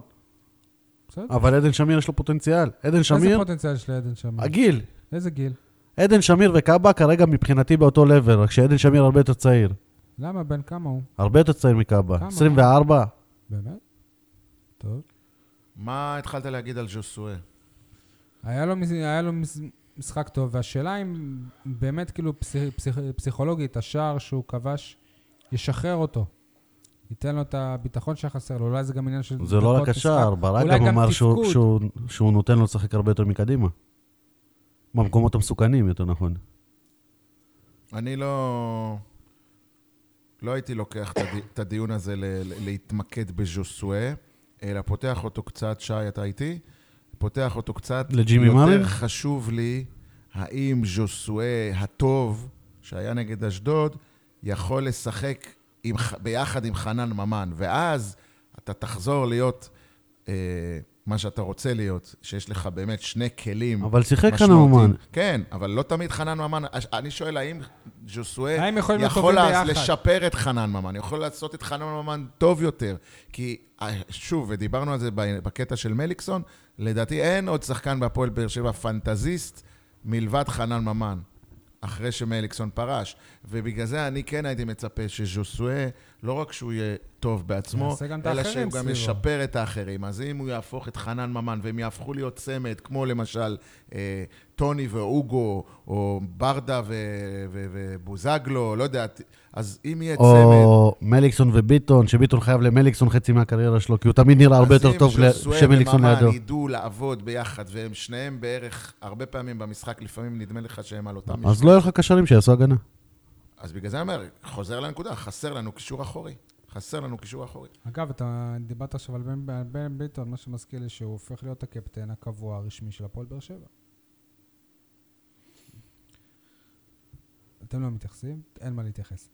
טוב, יש עוד משהו אולי אגיד לקראת המשחק, אה, לק- לקראת, אחרי המשחק נגד אה, אשדוד, שכבר באמת נראה היסטוריה רחוקה. אני חושב ש... בסופו של דבר, שוב, אני מצטער, אני, אני, אני לא יודע מה כרגע מערכת היחסים בין ברק בכר לבין אלונה, אין לי מושג, אני... חשבתי בין ברק בכר ל- לבני. זה אני יודע. אה, אבל אני חושב שבסוף העונה, איך יודעים. שהעונה לא תסתיים, אני כבר אומר לכם, יש לאלונה וברק, אה, מה שנקרא, להניח את הקלפים על השולחן ותראו, ולהציג לראווה, תראו מה עשינו העונה. עמית ביטון, אור דדיה, נאור סבג ותומר יוספי, ארבעה באר שבעים יוספי לא יישאר פה בשבוע. ארבעה באר שבעים, זה יהיה הסיכום הטיקט. עונה. הטיקט די, די, שיסכמו את העונה. זה. אני אומר את זה לזכות, כן? אבל זה לא זה לא לזכות, בכוונה. יאללה, מספיק. לא יודע עכשיו כוונה, לא כוונה. זה פציעות, זה הרחקות, כל משחק. לא משנה, זה לא- יש לך היום... זה הרבה- משנה. אה, אה, יניב, אתה מזכיר משנה. לך איך אופיר דוד זאדה קיבל מקום בהרכב? בסדר. אז אבל שחקני בית צריכים את ההזדמנויות האלה. תנק יו שמעון ארוש. אבל עובדה שכשיש לך מספיק שחקנים בריאים, הם אפילו לא צריכים להיות בלמים בשביל אוקיי, להיות אבל מועדפים על פני עמית אבל ביטון. בכר ואלונה, בסוף העונה, יגידו את זה בראש חוצות. הנה, מה תראו, יגידו? שיש לנו- ארבעה שחקנים. לא, אבל לא, שכל אתה יודע מה הם יגידו? יאללה, אתה יודע מה הם יגידו? הם יגידו תודה לשיפוט, שב-16 אה, מחזורי ליגה ועוד כמה מחזורים בגביע הטוטה, היה לנו תשעה כרטיסים אדומים ואין סוף פציעות. מה זה מה שהם? יגידו, שבזכות זה... זה- יגידו בסוף העונה, היו לנו כרטיסים אדומים. מה שיניב אומר... בזכות זה הם במילים משחקים. אחרות, כי הסגל קצר. במילים בסדר, אחרות, אוקיי, בזכות זה, אוקיי. במילים אחרות, שלצערנו זה לא מאיזה כוונה תחילה קורה. אני מבין, אני יודע. אוקיי, זה לא... אני מזכיר לך אני גם שאור לא דדיה מתכחש משחק. שהם משחקים דדיה- בגלל... אור דדיה משחק, כשבנו את הסגל, לא הוא היה המגן הימני המחליף. שי, הכל. טוב, הכל יפה. גם במכבי תל אביב ומכבי חיפה, שחקני נוער עולים רק כשכביכול הכוכבים אה, פחות טובים או מורחקים או נכון. מוצבים, ואם הם עוד לא מספיק נכון. טובים, הם גם נשארים בהרכב. הבעיה אצלנו שלא תמיד כשהם טובים הם נשארים בהרכב. תגיד לי, מיגל ויטור יחזור. מיגל ויטור יחזור השבוע. ייקח את המקום של קלטינס בהרכב. מי יפתח מגן ימני, קלטינס או דדיה? אני לא יודע. אז אני יודע. אוקיי, אתה יודע. זכותך. אני, שוב, אתה גם לא יאללה, יורד זה לסוף דעתי.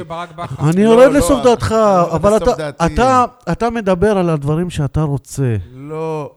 בטח לא. שכן.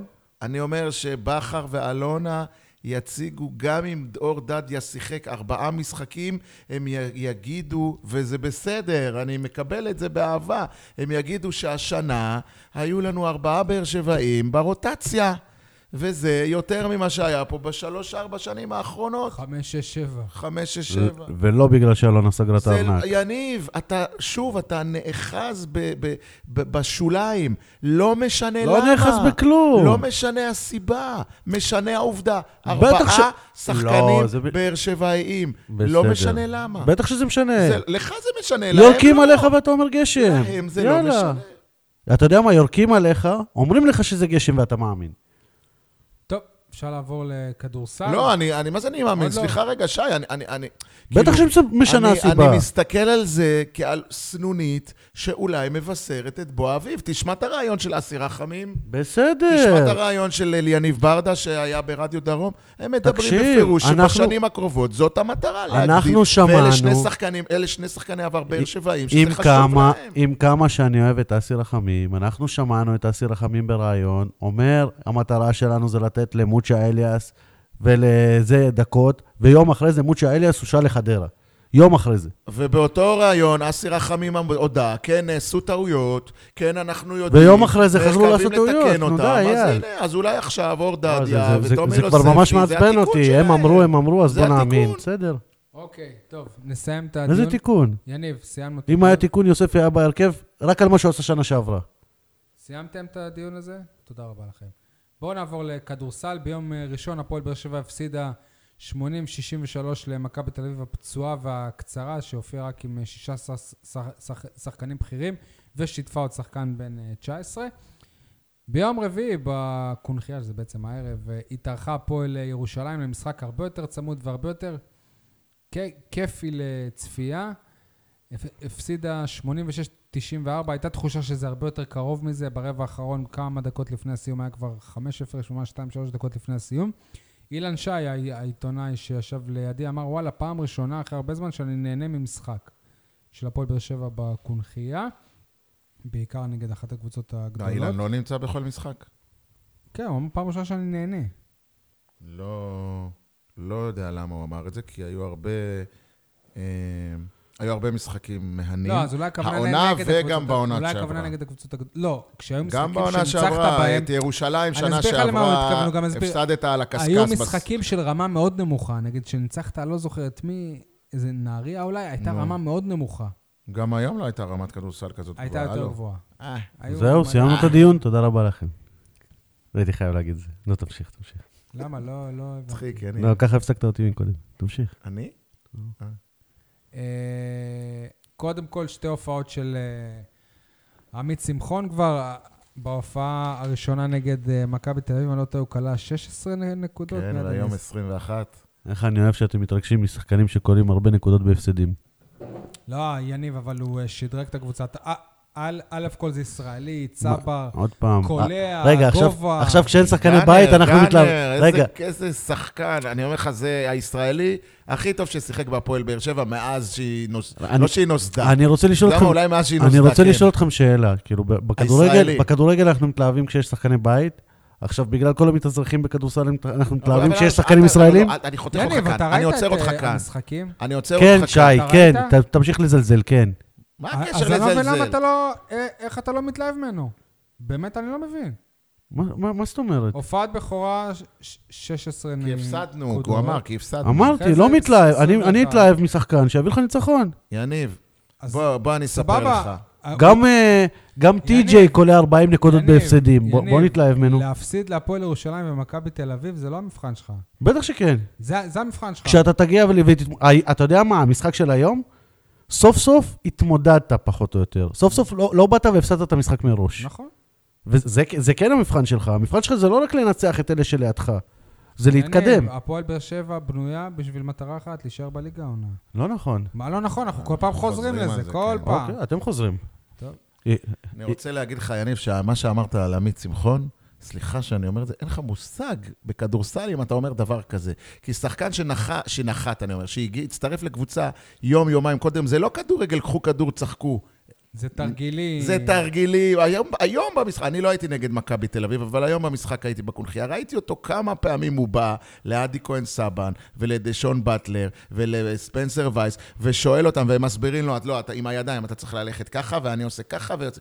אתה לא מבין כמה כדורסל, משחק מתוכנן, מסודר, מאורגן, יזום. אוקיי. והשחקן שבא יום-יומיים קודם, עושה אולי חצי אימון, ועולה להופעת בכורה, ונותן 16 נקודות, והיום 21 נקודות, זה מראה לך שהוא שחקן. נכון, הקבוצה לא לא אמרתי שהוא לא ניצחה, שחקן. ואני רוצה להגיד לך שהקבוצה... אני לא אמרתי שהוא לא שחקן. אמרת אני שהוא לא- לא שחקן, כי הוא לא סחף אותנו לניצחונות. לא לא אמרתי היינו שהוא לא אמורים שחקן. לנצח, גם עם עמית- גם עם עמית אה, שמחון, וגם עם ג'ון אה, טי.ג'יי וויליאמס היה מס- משחק, ווטסון. וגם עם ווטסון, שהבנתי שכבר אה, מחוץ לקבוצה. תגיד לא, לי. לא, שנייה. תגיד לי, כמה- לא היית מנצח את מכבי תל אביב. בוא, כמה עונות- פה גם כ- אם לא כמה ישחקו בשבעה יש לו שחקנים, ב-NBA? לא תנצח את מכבי תל אביב. כמה עונות יש לו ב-NBA? כמה אליפויות יש לו בארץ? מה הקשר? זה שחקן ישראלי טוב. סבבה, הוא טוב, דרך אגב, הוא עם טוב. רקורד נבחרת. אבל אל- תגזים. סבבה, זה הוא שחקן טוב. שבא לך ממועדון גדול, מהפועל חולון. תחשוב למה הוא עזב את חולון? תחשוב שמחר שחקן של מכבי, נטע לביא חותם בהפועל לא. באר שבע, אתה לא תגיד, וואו, איזה רכב. אני אשאל, אני אשאל למה העיפו את נטע לביא ממכבי חיפה קודם? כל. אבל הפועל חולון התפרקה. עובדתית. שחקנים ב-level הזה, צברים, לא הגיעו הגיעו להפועל באר. שבע. נכון. הם גם פחדו מרמי אדר, או אני לא יודע מה, הם לא הם לא סבבה. הבינו. עמית שמחון, גם עובד אבל לא אמרתי שהוא לא טוב, אבל אמרתי, אל גאנר. תנפחו.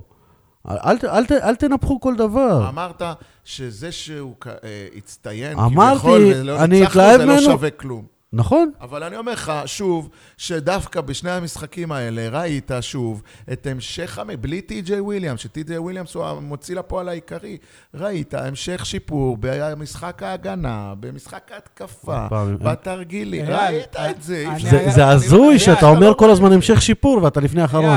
מה קשור? כי שיחקת. נגד מכבי. תמשיך, ירושלים. תמשיך להשתפר ולהפסיד, להשתפר ולהפסיד, מה זה להשתפר קשור? ולהפסיד. בואנה, יניב, אני... אני לא יודע... מה, בטח שזה קשור, אתה לא יכול... תשתפר ותנצח. למה- אגב, אתה לפני? אחרון, אח שלי, אתה לפני אחרון כי שיחקת משחק פחות. לא, כי יש קבוצה אחת שיחקת- יותר גרועה ממך בליגה. נכון. שיחקת בסדר. גם משחק פחות, לא משנה, המשחק הזה הוא נגד מכבי תל הדר- אביב שאתה תפסיד בו. ורמי אדר גם אמר לפני שבועיים שיש קבוצה אחת עם סגל פחות טוב ממנו. נו. וזאת אותה אשדוד, ולא בטוח שהיום הוא היה אומר את זה, כי הם הביאו את פולסטול. יש עכשיו ככה, יש את אשדוד, שאומנם ניצחה במחזור האחרון, וכביכול והביאה את צמצמה... פולסטול. כי- כביכול... אגב, אתה יודע למה פולסטול לא הגיע כבר לפני חודש וח- וחצי? לא. אה, אה, הנה. אה. הוא היה בצרפת, הוא חתם על חוזה לחודש וחצי בצרפת, בגלל ששחקן בשם סמג'ה קריסטון היה פצוע, והוא החליף אה, אותו? שם לחודש. וחצי. מי ומי סיפר לי את כל זה? אלירן כהן. יפה. בקיצור, יש לך את אשדוד, שהיא שנייה, זה לא הוא סיפר לי את זה, זה- זה זה מישהו אחר סיפר לי. אוקיי. אל- אל- אל- אלירן כהן תמיד עוזר ומספר, אוקיי. במקרה הזה לא. יש לך את אשדוד, שהיא אה, המועמדת הבכירה לרדת, ואחר כך יש לך שלוש או ארבע קבוצות, באותה רמה זה באר שבע, אילת, נהריה, הפועל תל אביב, ואולי ביום רע, או ב... לא יודע איך לקרוא לזה, ביום רע או ביום טוב, גם... אה, אה, אה, גם נס ציונה אולי? לא, לא נס ציונה. אה, אילת. לא, מה אמר? אה, מכבי חיפה, אולי ביום, שעוד מעט אנחנו משחקים עם מכבי חיפה, אולי מכבי חיפה איך, גם... אבל לא מזמן היה מכבי חיפה. כן, אבל זה הת- התחלף סיבוב. אה, רגע, שהפ- שהפסדת לה בבית. שהפסדת לה בבית בנקודה אוקיי. בשנייה האחרונה, אבל, אבל זה היה בתקופה הרעה שלך. עוד פעם. זה לא אבל- התקופה. הרעה שלך, כל העונה חוץ משני משחקים. תגיד, יניב, אתה לא, לא רואה... יניב, פ- תסתכל על אתה המשחק, לא על התוצאה. אתה באמת באמת לא רואה שיפור בפטרוסלי? איזה הגנה הוא עושה? מה, כן, אתה... אני, אני, את סבבה, אתה רואה שיפור, תבדוק אחוזים. אחוזי קליעה. דיברתי על הגנה. אבל הוא קלה. הוא כלה היום קשור? 17. סבבה, אבל תבדוק 17 או תבדוק באיזה 16. אחוזים. אצל רמי אדר, אבל גם קודם כל- באחוזים, אבל... בוא. ולא ש- רק למש- למשחק אחד, אל תבדוק מישהו שפתאום מפציץ למשחק אחד, תבדוק. לאורך... בוא, בוא, בוא, בוא נשאל. יש משהו טוב בהפועל באר שבע כדורסל בתקופה האחרונה, לדעתך? כן, מה? אשדוד. מתחכם. מתחכם. אגב, אחרי שראינו את אה, פיליפ הרץ, שדניאל כהן היה... איי, היום... ד- היום- דניאל כהן אה, קרא לו פיליפ הרץ. אה, היום רמי אדר כעס עליו, אני ראיתי את זה במו עיניי, ב- אתה קל- אתה קלטת שאיזה קטע שהוא כעס על השופטים, כי זה נראה כאילו שהוא בא לריב איתם. רמי אדר? כן. מסתכל. היה איזה קטע, אם אני לא טועה, סוף רבע ראשון, שממש הוא הכניס אותו למשימה נקודתית, אתה עוצר. את ה... כן, ואז היה פאול והוא בעבירה. לא עשה וקיבל סל, ושם... סל, סל סל בעבירה. עליי. לא, אבל העניין הוא שפיליפ... אבל הוא משתפר, בסדר, הוא משתפר. לא, פיליפ- אמר. פרץ... למה? הוא אני קלע, לא שבוע שעבר שש נקודות, אז הוא אני- משתפר. אני הייתי במשחק באשדוד, הוא כלה שמונה נקודות. כלה שמונה, סבבה, הוא משתפר, לא יאללה, בוא לא. נשתפר. לא, למה? אבל אנחנו מדברים על פר משחק, לא? לא, אנחנו אבל לא הקטע מסתכלים היה- אותך. ארוך. ואני לא אוהב את הציניות שלך, זה לא... לא- עובדתית, לא- לא- למה? עובדתית, מותר לי סתם להיות אתה. ציני. לא, אבל זה... זה- למה? מתחת לחגורה, כי...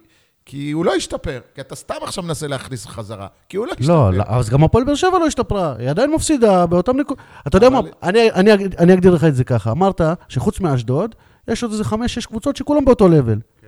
אבל כולם באותו לבל, ובאר שבע האחרונה מתוכם. מי אמר שהיא אחרונה? היא אחרונה מתוכם, כי אמרתי לך, כי אנחנו עם משחק פחות. סול היקר, אנחנו עם משחק פחות. גם בכדורסל, המשחק הזה אמרתי, הוא נגד מכבי תל אביב בחוץ. נפסיד בו ככל הנראה. אבל בכדורסל אתה מקבל נקודה על הפסד, אוקיי? אוקיי. לכן זה יחזיר אותך קצת יותר גבוה בטבלה, אחרי שתשלים את המשחק הזה. אז נח, כרגע נראה לך שאנחנו הכי למטה מבין החמש-שש קבוצות האלה, למרות שאני לא אמרתי חמש ושש, אני אמרתי שלוש-ארבע. אבל... אבל נתת חמש. אנחנו אחר, אחר כך, אנחנו כביכול האחרונים בגלל שיש לנו משחק פחות. מול מי המשחק? מכבי תל אביב אוקיי. בחוץ. תפסיד אותו, תקבל נקודה, ואז תעלה בדירוג עוד איזה מקום או שניים. חייבים לחזור שנייה לעמית שמחון ולפרגן גם לכפיר אה, ארזי או למערכת שהצליחו להביא שחקן כזה, ישראלי, שזה הרבה כסף, אנחנו יודעים. לפי מה שהבנתי, חולון משלמים לו חלק מהמשכורת. ועוד דבר, היתרון שלו, אני לא יודע, תשמע, מה שאני אגיד עכשיו זה נשמע גזענות, אבל אני לא יודע. זה כיף להתחבר לצבר בקבוצה שלך. כאילו, כי זרים אתה רואה מלא, וצברים אין לנו. וזה כאילו... זה לא מה שאמרתי מקודם. אין שחקני בית, אז אתם מתלהבים מצברים, כי יש מלא נכון, מתאזרחים בסדר, ומלא... נכון, זה גם אה, משהו. קודם כל, אבל הוא לא יקנה בעיניי בית בעומר לא אמירה- ובמיתר, שי, יכול בעיניי להיות שעוד לא- יומיים הוא בקבוצה אחרת. בעיניי זאת לא אמירה גזענית, מדברים עליה בריש גלי, במנהלת הליגה, בארגון השחקנים. זה הדיון, זה הדיון של הפרק. האם שחקנים צברים אה, מושכים יותר קהל מאשר תחלופה של זרים? עובדתית ב- כן, בעיניי. כן, נכון, אני אוהב לראות אותו. נכון. אני רוצה דווקא לשאול אותך מה שזרקת קודם, מה הסיפור עם ווטסון? טרנס ווטסון. שמע, אני... לא- ב- במשחק נגד מכבי, ראיתי מישהו מאנשי הפועל באר שבע. אמרתי לו, תגיד לי, נו, מה קורה? הוא אמר לי, וואלה, אני לא כך יכול להגיד, תשאל את זה, תשאל את זה. ואז אמרתי לו, מה הסיפור? הוא אמר לי, וואלה, נראה לי שיש בעיות איתו, זה לא רק רפואי. פניתי היום לתומר ירון ושאלתי אותו, אמר לי, מה פתאום, אנחנו מחכים לאיזה חוות דעת, ואז הוא אה, חוזר, אין איתו שום בעיות ושום כלום. אז אני הבנתי שלפי פרסום, אה, אני לא זוכר איפה, מי שסיפר לי את זה לא ידע להגיד לי איפה, הוא הודיעו לו על שחרור. תומר אבל- ירון הערב, היום אוקיי. אחרי המשחק, אמר לי אז יכול להיות שזה לא שהטעו אותי. נכון, אבל הוא גם לא היה במשחק, נגד מכבי הוא כן היה. מוזר. הוא אמר לך שזה נכון? לא, הוא אמר לי שהוא חלק מהקבוצה, ומחכים רק לאיזה חוות דעת אה, ר- ר- רפואית. ומישהו אחר אמר לי אחרי מכבי שיש איתו בעיות שלא קשורות רק לרפואי, אה, שלא בטוח שהוא נשאר בקבוצה. אני יכול להגיד משהו על הקהל של הפועל באר שבע זהו, זה מה שאני רציתי להגיד גם, אבל משהו אחר כנראה. אז דבר קודם אתה. אה, נגד מכבי תל אביב באופן טבעי הקונכייה הייתה הייתה 2,500 איש, הייתה אווירה טובה. וגם ביציע של האולטרס היו הרבה אנשים, הרבה אנשים שקופצים, רוקדים וזה. לאן נעלמו האוה- האוהדים האלה כשהפועל ירושלים כאן? ואני שואל גם אנשים מהאולטרס שהם אוהדים של הפועל באר שבע באמת, איך זה יכול להיות שבהבדל של שלושה, ארבעה ימים, חצי מהיציע של האולטרס כבר לא מגיע? מוזר אני בעיניי. לא יודע, אני לא קודם כל, באולטרס. האולטרס זה בדיוק חמישה אנשים. אה, אל תגזים. בכ- בכדורסל, האולטרס, אלה שבאמת האולטרס זה חמישה אנשים. יותר. יותר בכיוון 20-30. בוא אני- נגיד ככה, נגד מכבי בגוש היו כמעט 50, היום היו איזה 20. בסדר, אוקיי, הנה. כנראה שמכבי אתה תל יודע אביב כמה מעוררת- שיחות נגד מכבי תל אביב אני קיבלתי על אנשים ששואלים אם אני יכול לסדר להם כניסה או משהו כזה, שמתעוררים פעם בשנה נגד מכבי? כן, הם לא באים לראות את באר שבע, הם באים לראות את מכבי תל זאת אביב. הקבוצה של המדינה. אז גם ה- כנראה חלק מהאנשים שבא, שהיו בקהל, שוב, אני לא נכחתי במשחק, אני מניח שהם באו בגלל שזאת מכבי תל אביב, כמו שהם באו אז נגד חולון, אתה זוכר? איפה שיש כביכול יריבות אה, בין, קהלים, סיכוי למכות. אז אה, אולי הם כשמם באים. כן הם. גוש. גוש. אז אני רוצה דווקא להגיד, אני, אני מזהה כמה וכמה תופעות בקהל, בקונכייה, העונה, שלא היו בעונות קודמות. קודם כל, הוסיפו את, ה, את השורה הזאת של הכיסאות על הפרקט. תשמע, אני מכבד את כל האנשים שיושבים שם, אבל יש כרגע, ובמשחק נגד מכבי תל אביב זה בכלל בלט, ראיתי בתמונות, יש יותר אנשים שרוצים לשבת על הפרקט מאשר אנשים ביציעים. לא, כמובן, אני מגזים, אבל כמות האנשים על הפרקט היא לא הגיונית. כל אחד שרואה את עצמו קצת חשוב בעיר הזאת, מקבל מקום על הפרקט. חיים בן שאנן ושם... עזוב, לא יודע, לא נכנס לא, לשמות. אבל יש איזה מישהו, איזה מה איזה הבעיה בחור שלכם? שיושב קרוב שיושב לאולטרס. ועומד ונכנס לקווים ורב עם השופטים. כן, ומקלל. כן, כן, זה עוד יעלה- עם- עם, אה, לנו ב... זלמנסון, היה לו קטע עם זלמנסון, ראיתי, ראיתי. שזלמנסון עשה לו... זה עוד יעלה לנו באיזה אה, טכני או? משהו. מה אין? לי מושג, אין לי מושג. מי זה? תשמע, בוא, אוהד של באר שבע, ב- איך אומרים, הוא במחנה הנכון, אני אני מחבב אותו, רק מזה שהוא בצד שלנו. ליציע, בדיוק, אבל אבל. בוא איתנו ליציע. עכשיו, זה מוביל אותי גם לנקודה השנייה. אני, כל משחק בבית, או גם בחוץ, מקפיד להיות עם הגוש, כדי שאנשים כמו יניב סטול יגידו שהם רק חמישה.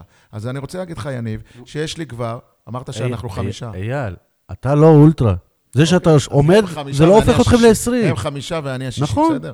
לא אנשים משנה. כמוך שמצטרפים אליהם, זה לא האולטרס. אוקיי. זה אנשים שעומדים עם האולטרס. בגלל זה הם רק חמישה.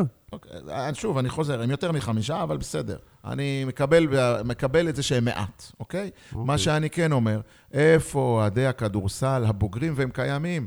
אה, שי, אתה גם מכיר את חלקם. טומי זפרני, ואורי סגרון, ונמרוד לס, ומישל בשני, ומשה אוחיון. אנשים בוגרים, בוגרים. ש- ויוסי בהיר, שהעליתם אותו לשידור בשבוע שעבר, ואבי פרץ, שהוא אוהד כדורסל ותיק ויקר. מה הבעיה שלכם לבוא מאחורי השער כדי להגדיל את הנפח של הגוש הזה, ולא כדי שיהיה לאנשים סיבה להגיד שאנחנו מעט. בואו, תעזרו, רק תעמדו, אל תעודדו, אל תשאירו, הכלום, רק תעמדו, שלא נראה מעטים מול רבים, מול קהלים כמו חולון, ירושלים ומכבי תל אביב. והדבר השלישי, שלדעתי חשוב לעשות אותו, אם לא העונה, אז לקראת העונה הבאה, זה להעביר את מיקום הגוש. כי בטלוויזיה, וגם את זה הסתכלתי באחד המשחקים האחרונים, אה, לא רואים את האוהדים של באר שבע. גם אם ההיכל כולו ריק, אז למה לשים מאחורי הצד? לא, כי? כביכול, אולטרס תמיד כן. יושבים מאחורי סלים. אבל תראה, הקהל של היריבות הוא מול המצלמות, ותמיד רואים אותו. ואני מדבר על הקהלים הגדולים, כמו מכבי תל אביב, ופועל תל אביב וכולי. אבל את הקהל של באר שבע, דווקא בעולם הביתי, לא רואים. שני, כמו מה? ש... תעביר יניב אותו אומר, לגוש ג'. אז יראו שזה חמישה אנשים. לא, אבל זה קרוב כבר ליציע הכבוד, זה כבר יכול להשתלב, יבואו לשם עוד אה, ילדים, בני נוער, לא יודע, אני מקווה שזה יתרבה, אבל לפחות מבחינת טלוויזיונית יהיה ייצוג לקהל של באר שבע עם דגלים, עם, אה, עם שלט פריסה. אני בטוח שתומר ירון, הוא ישמע את זה, וככה... אני חושב. שזה ב- יעשה בעיות למי שיושב ביציע הכבוד, כי משני הצדדים יהיה להם אה, זמבורות ותופים, אז יכול להיות שאלה ביציע הכבוד כביכול ירגישו לא בנוח, אבל אני חושב שעדיף כבר, אם כבר, להסתיר את אוהדי היריבה ולהבליט את אוהדי באר שבע, לפחות מבחינה טלוויזיונית. אוקיי. אה, טוב, אתם רוצים לעבור לפינות? משתוקקים. משתוקקים? כולם מדברים על במקום על, אני אתחיל. כולם מדברים על uh, סיכומי עשור והצלחות בכדורגל, בכדורסל ובכדוריד בעיר. במקום לדבר על זה שבעשור הזה, בדיוק כמו, ב, כמו בעשור שלפניו, נעלמה לגמרי, כמעט לגמרי, הקבוצת הכדורגל השנייה של העיר. בעשור לפני זה זה היה ש... שביתר באר שבע הגיעה לליגה הלאומית, כבר עיר הייתה אפילו ממוקמת מעל הפועל באר שבע בטבלת הליגה הלאומית, היא התרסקה לגמרי. בעשור האחרון, קבוצה שסיקרתי הרבה והתחברתי אליה ר- ר- ר- רגשית בצורה מאוד רצינית, מכבי באר שבע, היום קבוצה בליגה ג', גם קבוצה שהייתה בליגה לאומית, נתנה שלוש עונות טובות, מושאלים מהפועל באר שבע, הרבה שחקנים מקומיים. עצוב מה שקרה, הקבוצ... היום הקבוצה הבכירה של העיר זאת מ"ס באר שבע בליגה ב'. מה אנחנו שומעים פה? אתה בא להרדים אותנו, אייל? לא, אמרת עצוב, דיברת על אה, שקיעתו של הכדורגל הבאר שבעי, אז מצאתי לנכון לנגן איזה נעימה קטנה שמצאתי לי בווינה, תיבת נגינה. אתה יכול להמשיך. אני ארדם, השעה כבר כמעט 12 בלילה. אוקיי, אז ב- באמת כואב לי שעל היעלמותם של הקבוצות הבאר שבעיות שהן לא הפועל באר שבע. סול? כולם מדברים על במקום על? כולם מדברים על פרישתו של אה, מאור מליקסון, במקום לדבר על עוד סמל שפרש בהפועל באר שבע. שיר צדק. ענק. אתם יודעים, אגב, אני קיבלתי עכשיו את העיתון של אה, מחר, אז כבר אפשר להגיד את זה כי זה כבר מפורסם מחר. אתם יודעים מה הכותרת בידיעות אחרונות? הפועל תל אביב? לא, הכותרת על הכתבה של מליקסון. מליק סוף. יפה. שנון. כולם מדברים על שלי, זה על אה, ליגת העל בכדוריד. שמעתי אתכם בפרק הקודם, מדברים על ה... עם שקלושי, ראיון נהדר. אה, ליגת העל בכדוריד בפגרה. בכלל, היה פרק נה... שהוא נה... נהדר, כי נהדרת. כן, אה? אה? אבל מכיוון שנעדרתי, לא הספקתי לספר לכם חוויות מהמשחק שהייתי מהדרבי בדימונה, הגדול. מהדרבי, ה... נקרא לזה הדרבי הגדול של הנגב. ודף, אני לא אספר על המשחק, זה כבר היסטוריה, הליגה יצאה לפגרה, לא, אבל שני דברים שוואלה, שי, נהניתי והלכתי איתם אה, הלאה כל הדרך לבאר שבע. דבר ראשון, בדימונה ראיתי לוח שעונים אמיתי של משחק כדוריד, מה שלא היה בהיכל, אה, באולם ברמות, ומה שלא היה בהיכל הקונכייה כשהקבוצה שיחקה, לוח שעונים שהוא נטו לכדוריד. אתה רואה שם בדיוק, וזה כל כך יפה לראות, זה מסביר לך כל כך מה קורה על המגרש. אתה יודע, בכדוריד יש קטע של שחקן מורחק לשתי דקות. עכשיו, זה, זה קורה כל הזמן.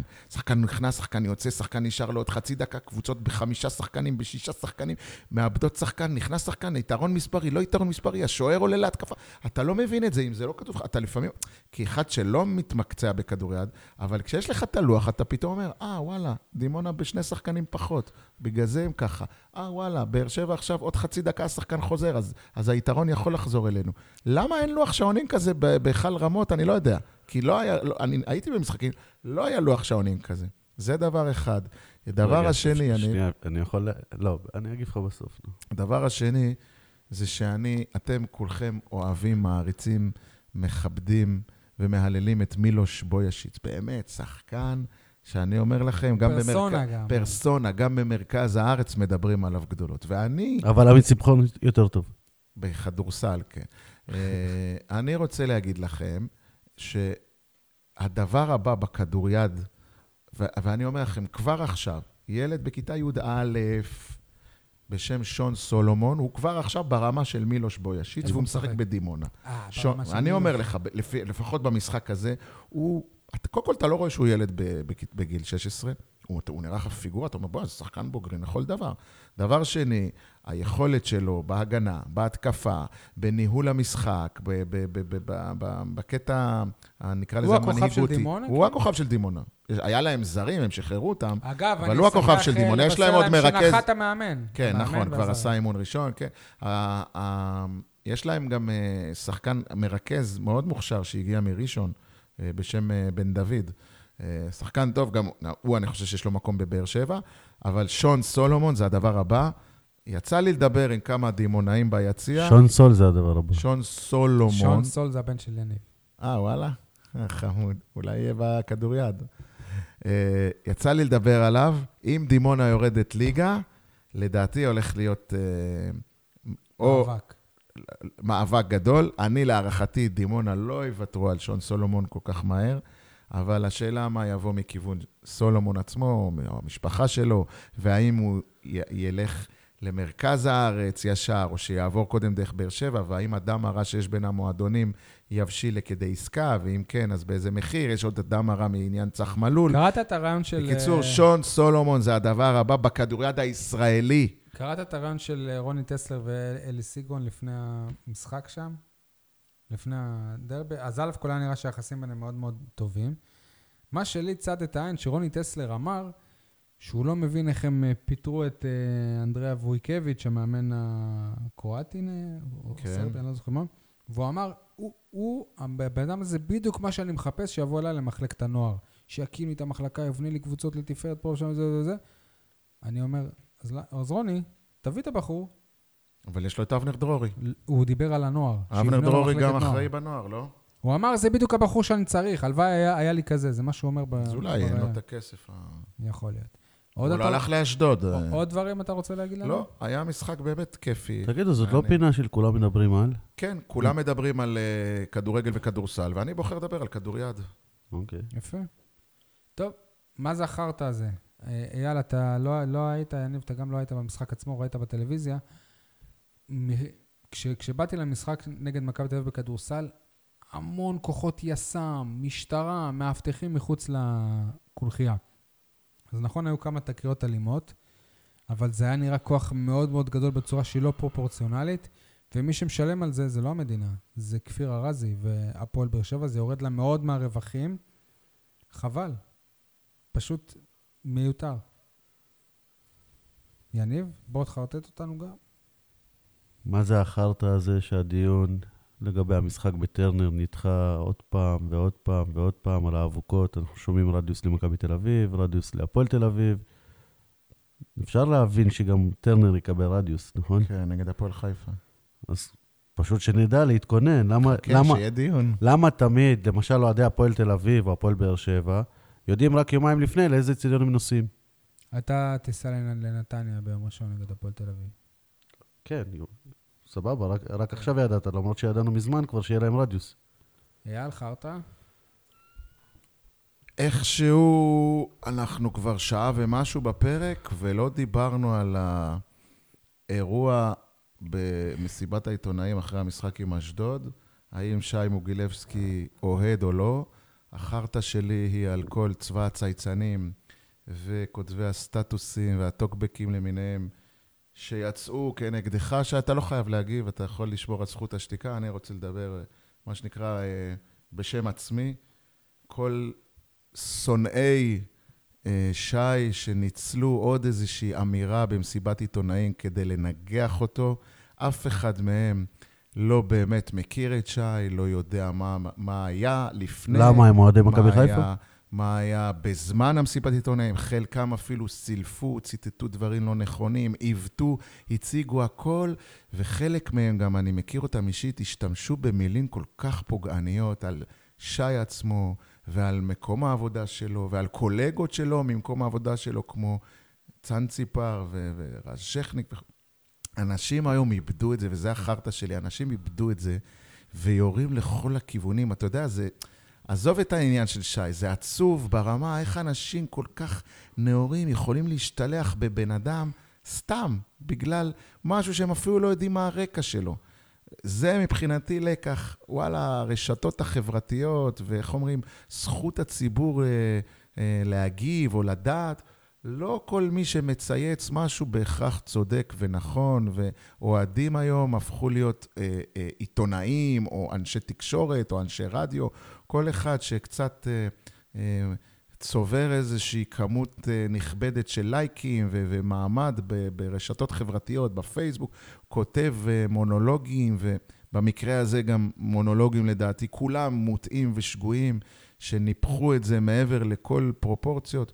זה החרטא שלי על כל צבא הצייצנים שיצא להגנתו של ברק בכר, שברק בכר הוא זה שיצר את כל המהומה הזאת, ומבחינתי גם, אני אגיד את זה כאן, שי ענה לו יפה ובצורה אפילו לעניין, ואני אה, אה, מעריך את שי שידע לעמוד באומץ מול כל ה- אה, העליהום שנעשה עליו.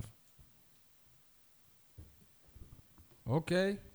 עכשיו, אה, אחרי שדיברת איתנו על זה, אתה רוצה למסור דש? אז קדימה.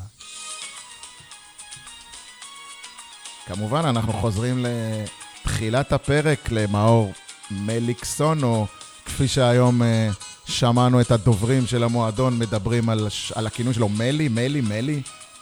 אה, זה באמת המלך האמיתי של היציע. איך אני אוהב שאתה מביא זמרים לא היה מזמן בהפועל באר שבע שחקן, טלנט כזה, עם כישרון כזה, עם וירטואוזיות כזאת. רק לראות את ה... עזוב את הגולים, לראות את המהלכים, את הרבונות, את המסירות המיוחדות, את ההטעיות הגוף. זה בפירוש מלך אמיתי.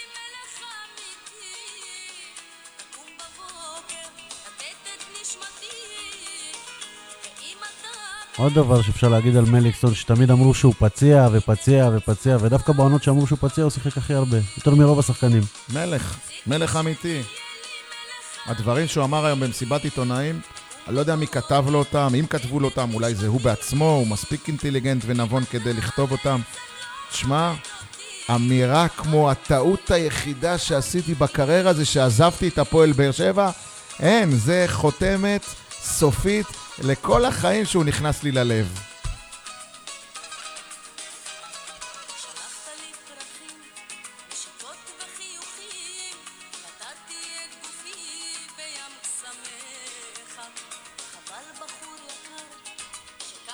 יאללה, אני אני אוהב שאתה מביא לנו זמרים באר שבעים. זהבה, ענקית. אגב, היא, היא קצת כמו תומר יוספי, אתם לא חושבים? מי? זהבה בן? כן, נעלמה. ענק. אוקיי, הימורים. פינת ההימורים השבוע בחסות אפליקציית שי מוגילבסקי, אפליקציה שמראה לך מי אוהד אמיתי ומי יותר אוהד ממי. אתה אוהד שי? אני מנוע מלהגיב. מה הבעיה להגיד? תגיד, יותר ממך, תגיד? יותר ממך. אה? יותר- ממך זה בטוח, אם אתה כבר אה, איזה... שי, אתה אוהד באר שבע, ואל תסתיר את זה. מותר לך כעיתונאי להיות אוהד. תפסיק אוקיי. להתבייש בזה. אני מתבייש. לא, נראה שאתה כאילו... לא, לא נעים לא לך רוצה- להודות איך- שאתה אוהב. איך לא. הרסת לי את הפינה עם החרטא שלך? יכולת לא- לדבר על זה עכשיו, אחרי לא, החסות. אני לא רוצה להיכנס לדיון, כאילו, אה, שהיה. אוקיי. לא, זה שאני... טוב. מי שמאזין לפודקאסט, יש לו ספק? מי שמאזין לא מפחד. וכאילו, אתה יודע. זה לא מילה עיתונאית כל כך. טוב, להגיד. אז נעבור להימורים. שנייה, לא, נעבור לטבלה. אני עם 50 נקודות, יניב 38, אייל עם 30. שזה אומר שאני מצמק את הפר משי עוד פעם. מי מי צדק בהימורים האחרונים? במשחק נגד אשדוד, אף אחד לא קלע בתוצאה, נכון? אבל אני היחיד שנתן ניצחון לבאר שבע. אוקיי, ובמכבי תל אביב כדורסל, אני ושי. שלוש גדול? נקודות ואתה נקודה. כמה היה הפרש? 17? וזה גדול? מעל 16? מעל 16 זה גדול. אוקיי. אז השבוע יש לנו את uh, יום uh, ראשון, הפועל תל אביב חוץ, בנתניה. 1-0 הפועל תל אביב. עכשיו, נו, מה? 1-0 3-0. הפועל תל אביב. 3-0 אתה הפועל אומר באר 1-0 שבע. אמרתי? כבר, כן. אני אומר אה, 2-0 לבאר שבע. לא, לא, יהיה תיקו. 0-0. כן, יניב, מה אתה? אז, אז אני אוריד את ה... אני אגיד 2-0 להפועל באר שבע. אוקיי, אחר כך יש לנו ביום שני את uh, הפועל אילת בכדורסל בחוץ. אני מהמר על ניצחון באר שבעי בהפרש קטן. אני אגיד שעמית שמחון יקלע 28 נקודות ובאר שבע תפסיד רק בסל אחד. הפסד צמוד. הפסד קטן.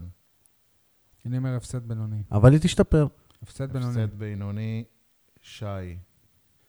אוקיי, תודה רבה. מקווה שנהנתם אה, מאיתנו ומארמן מליקסון הגדול. ביי ביי. ביי.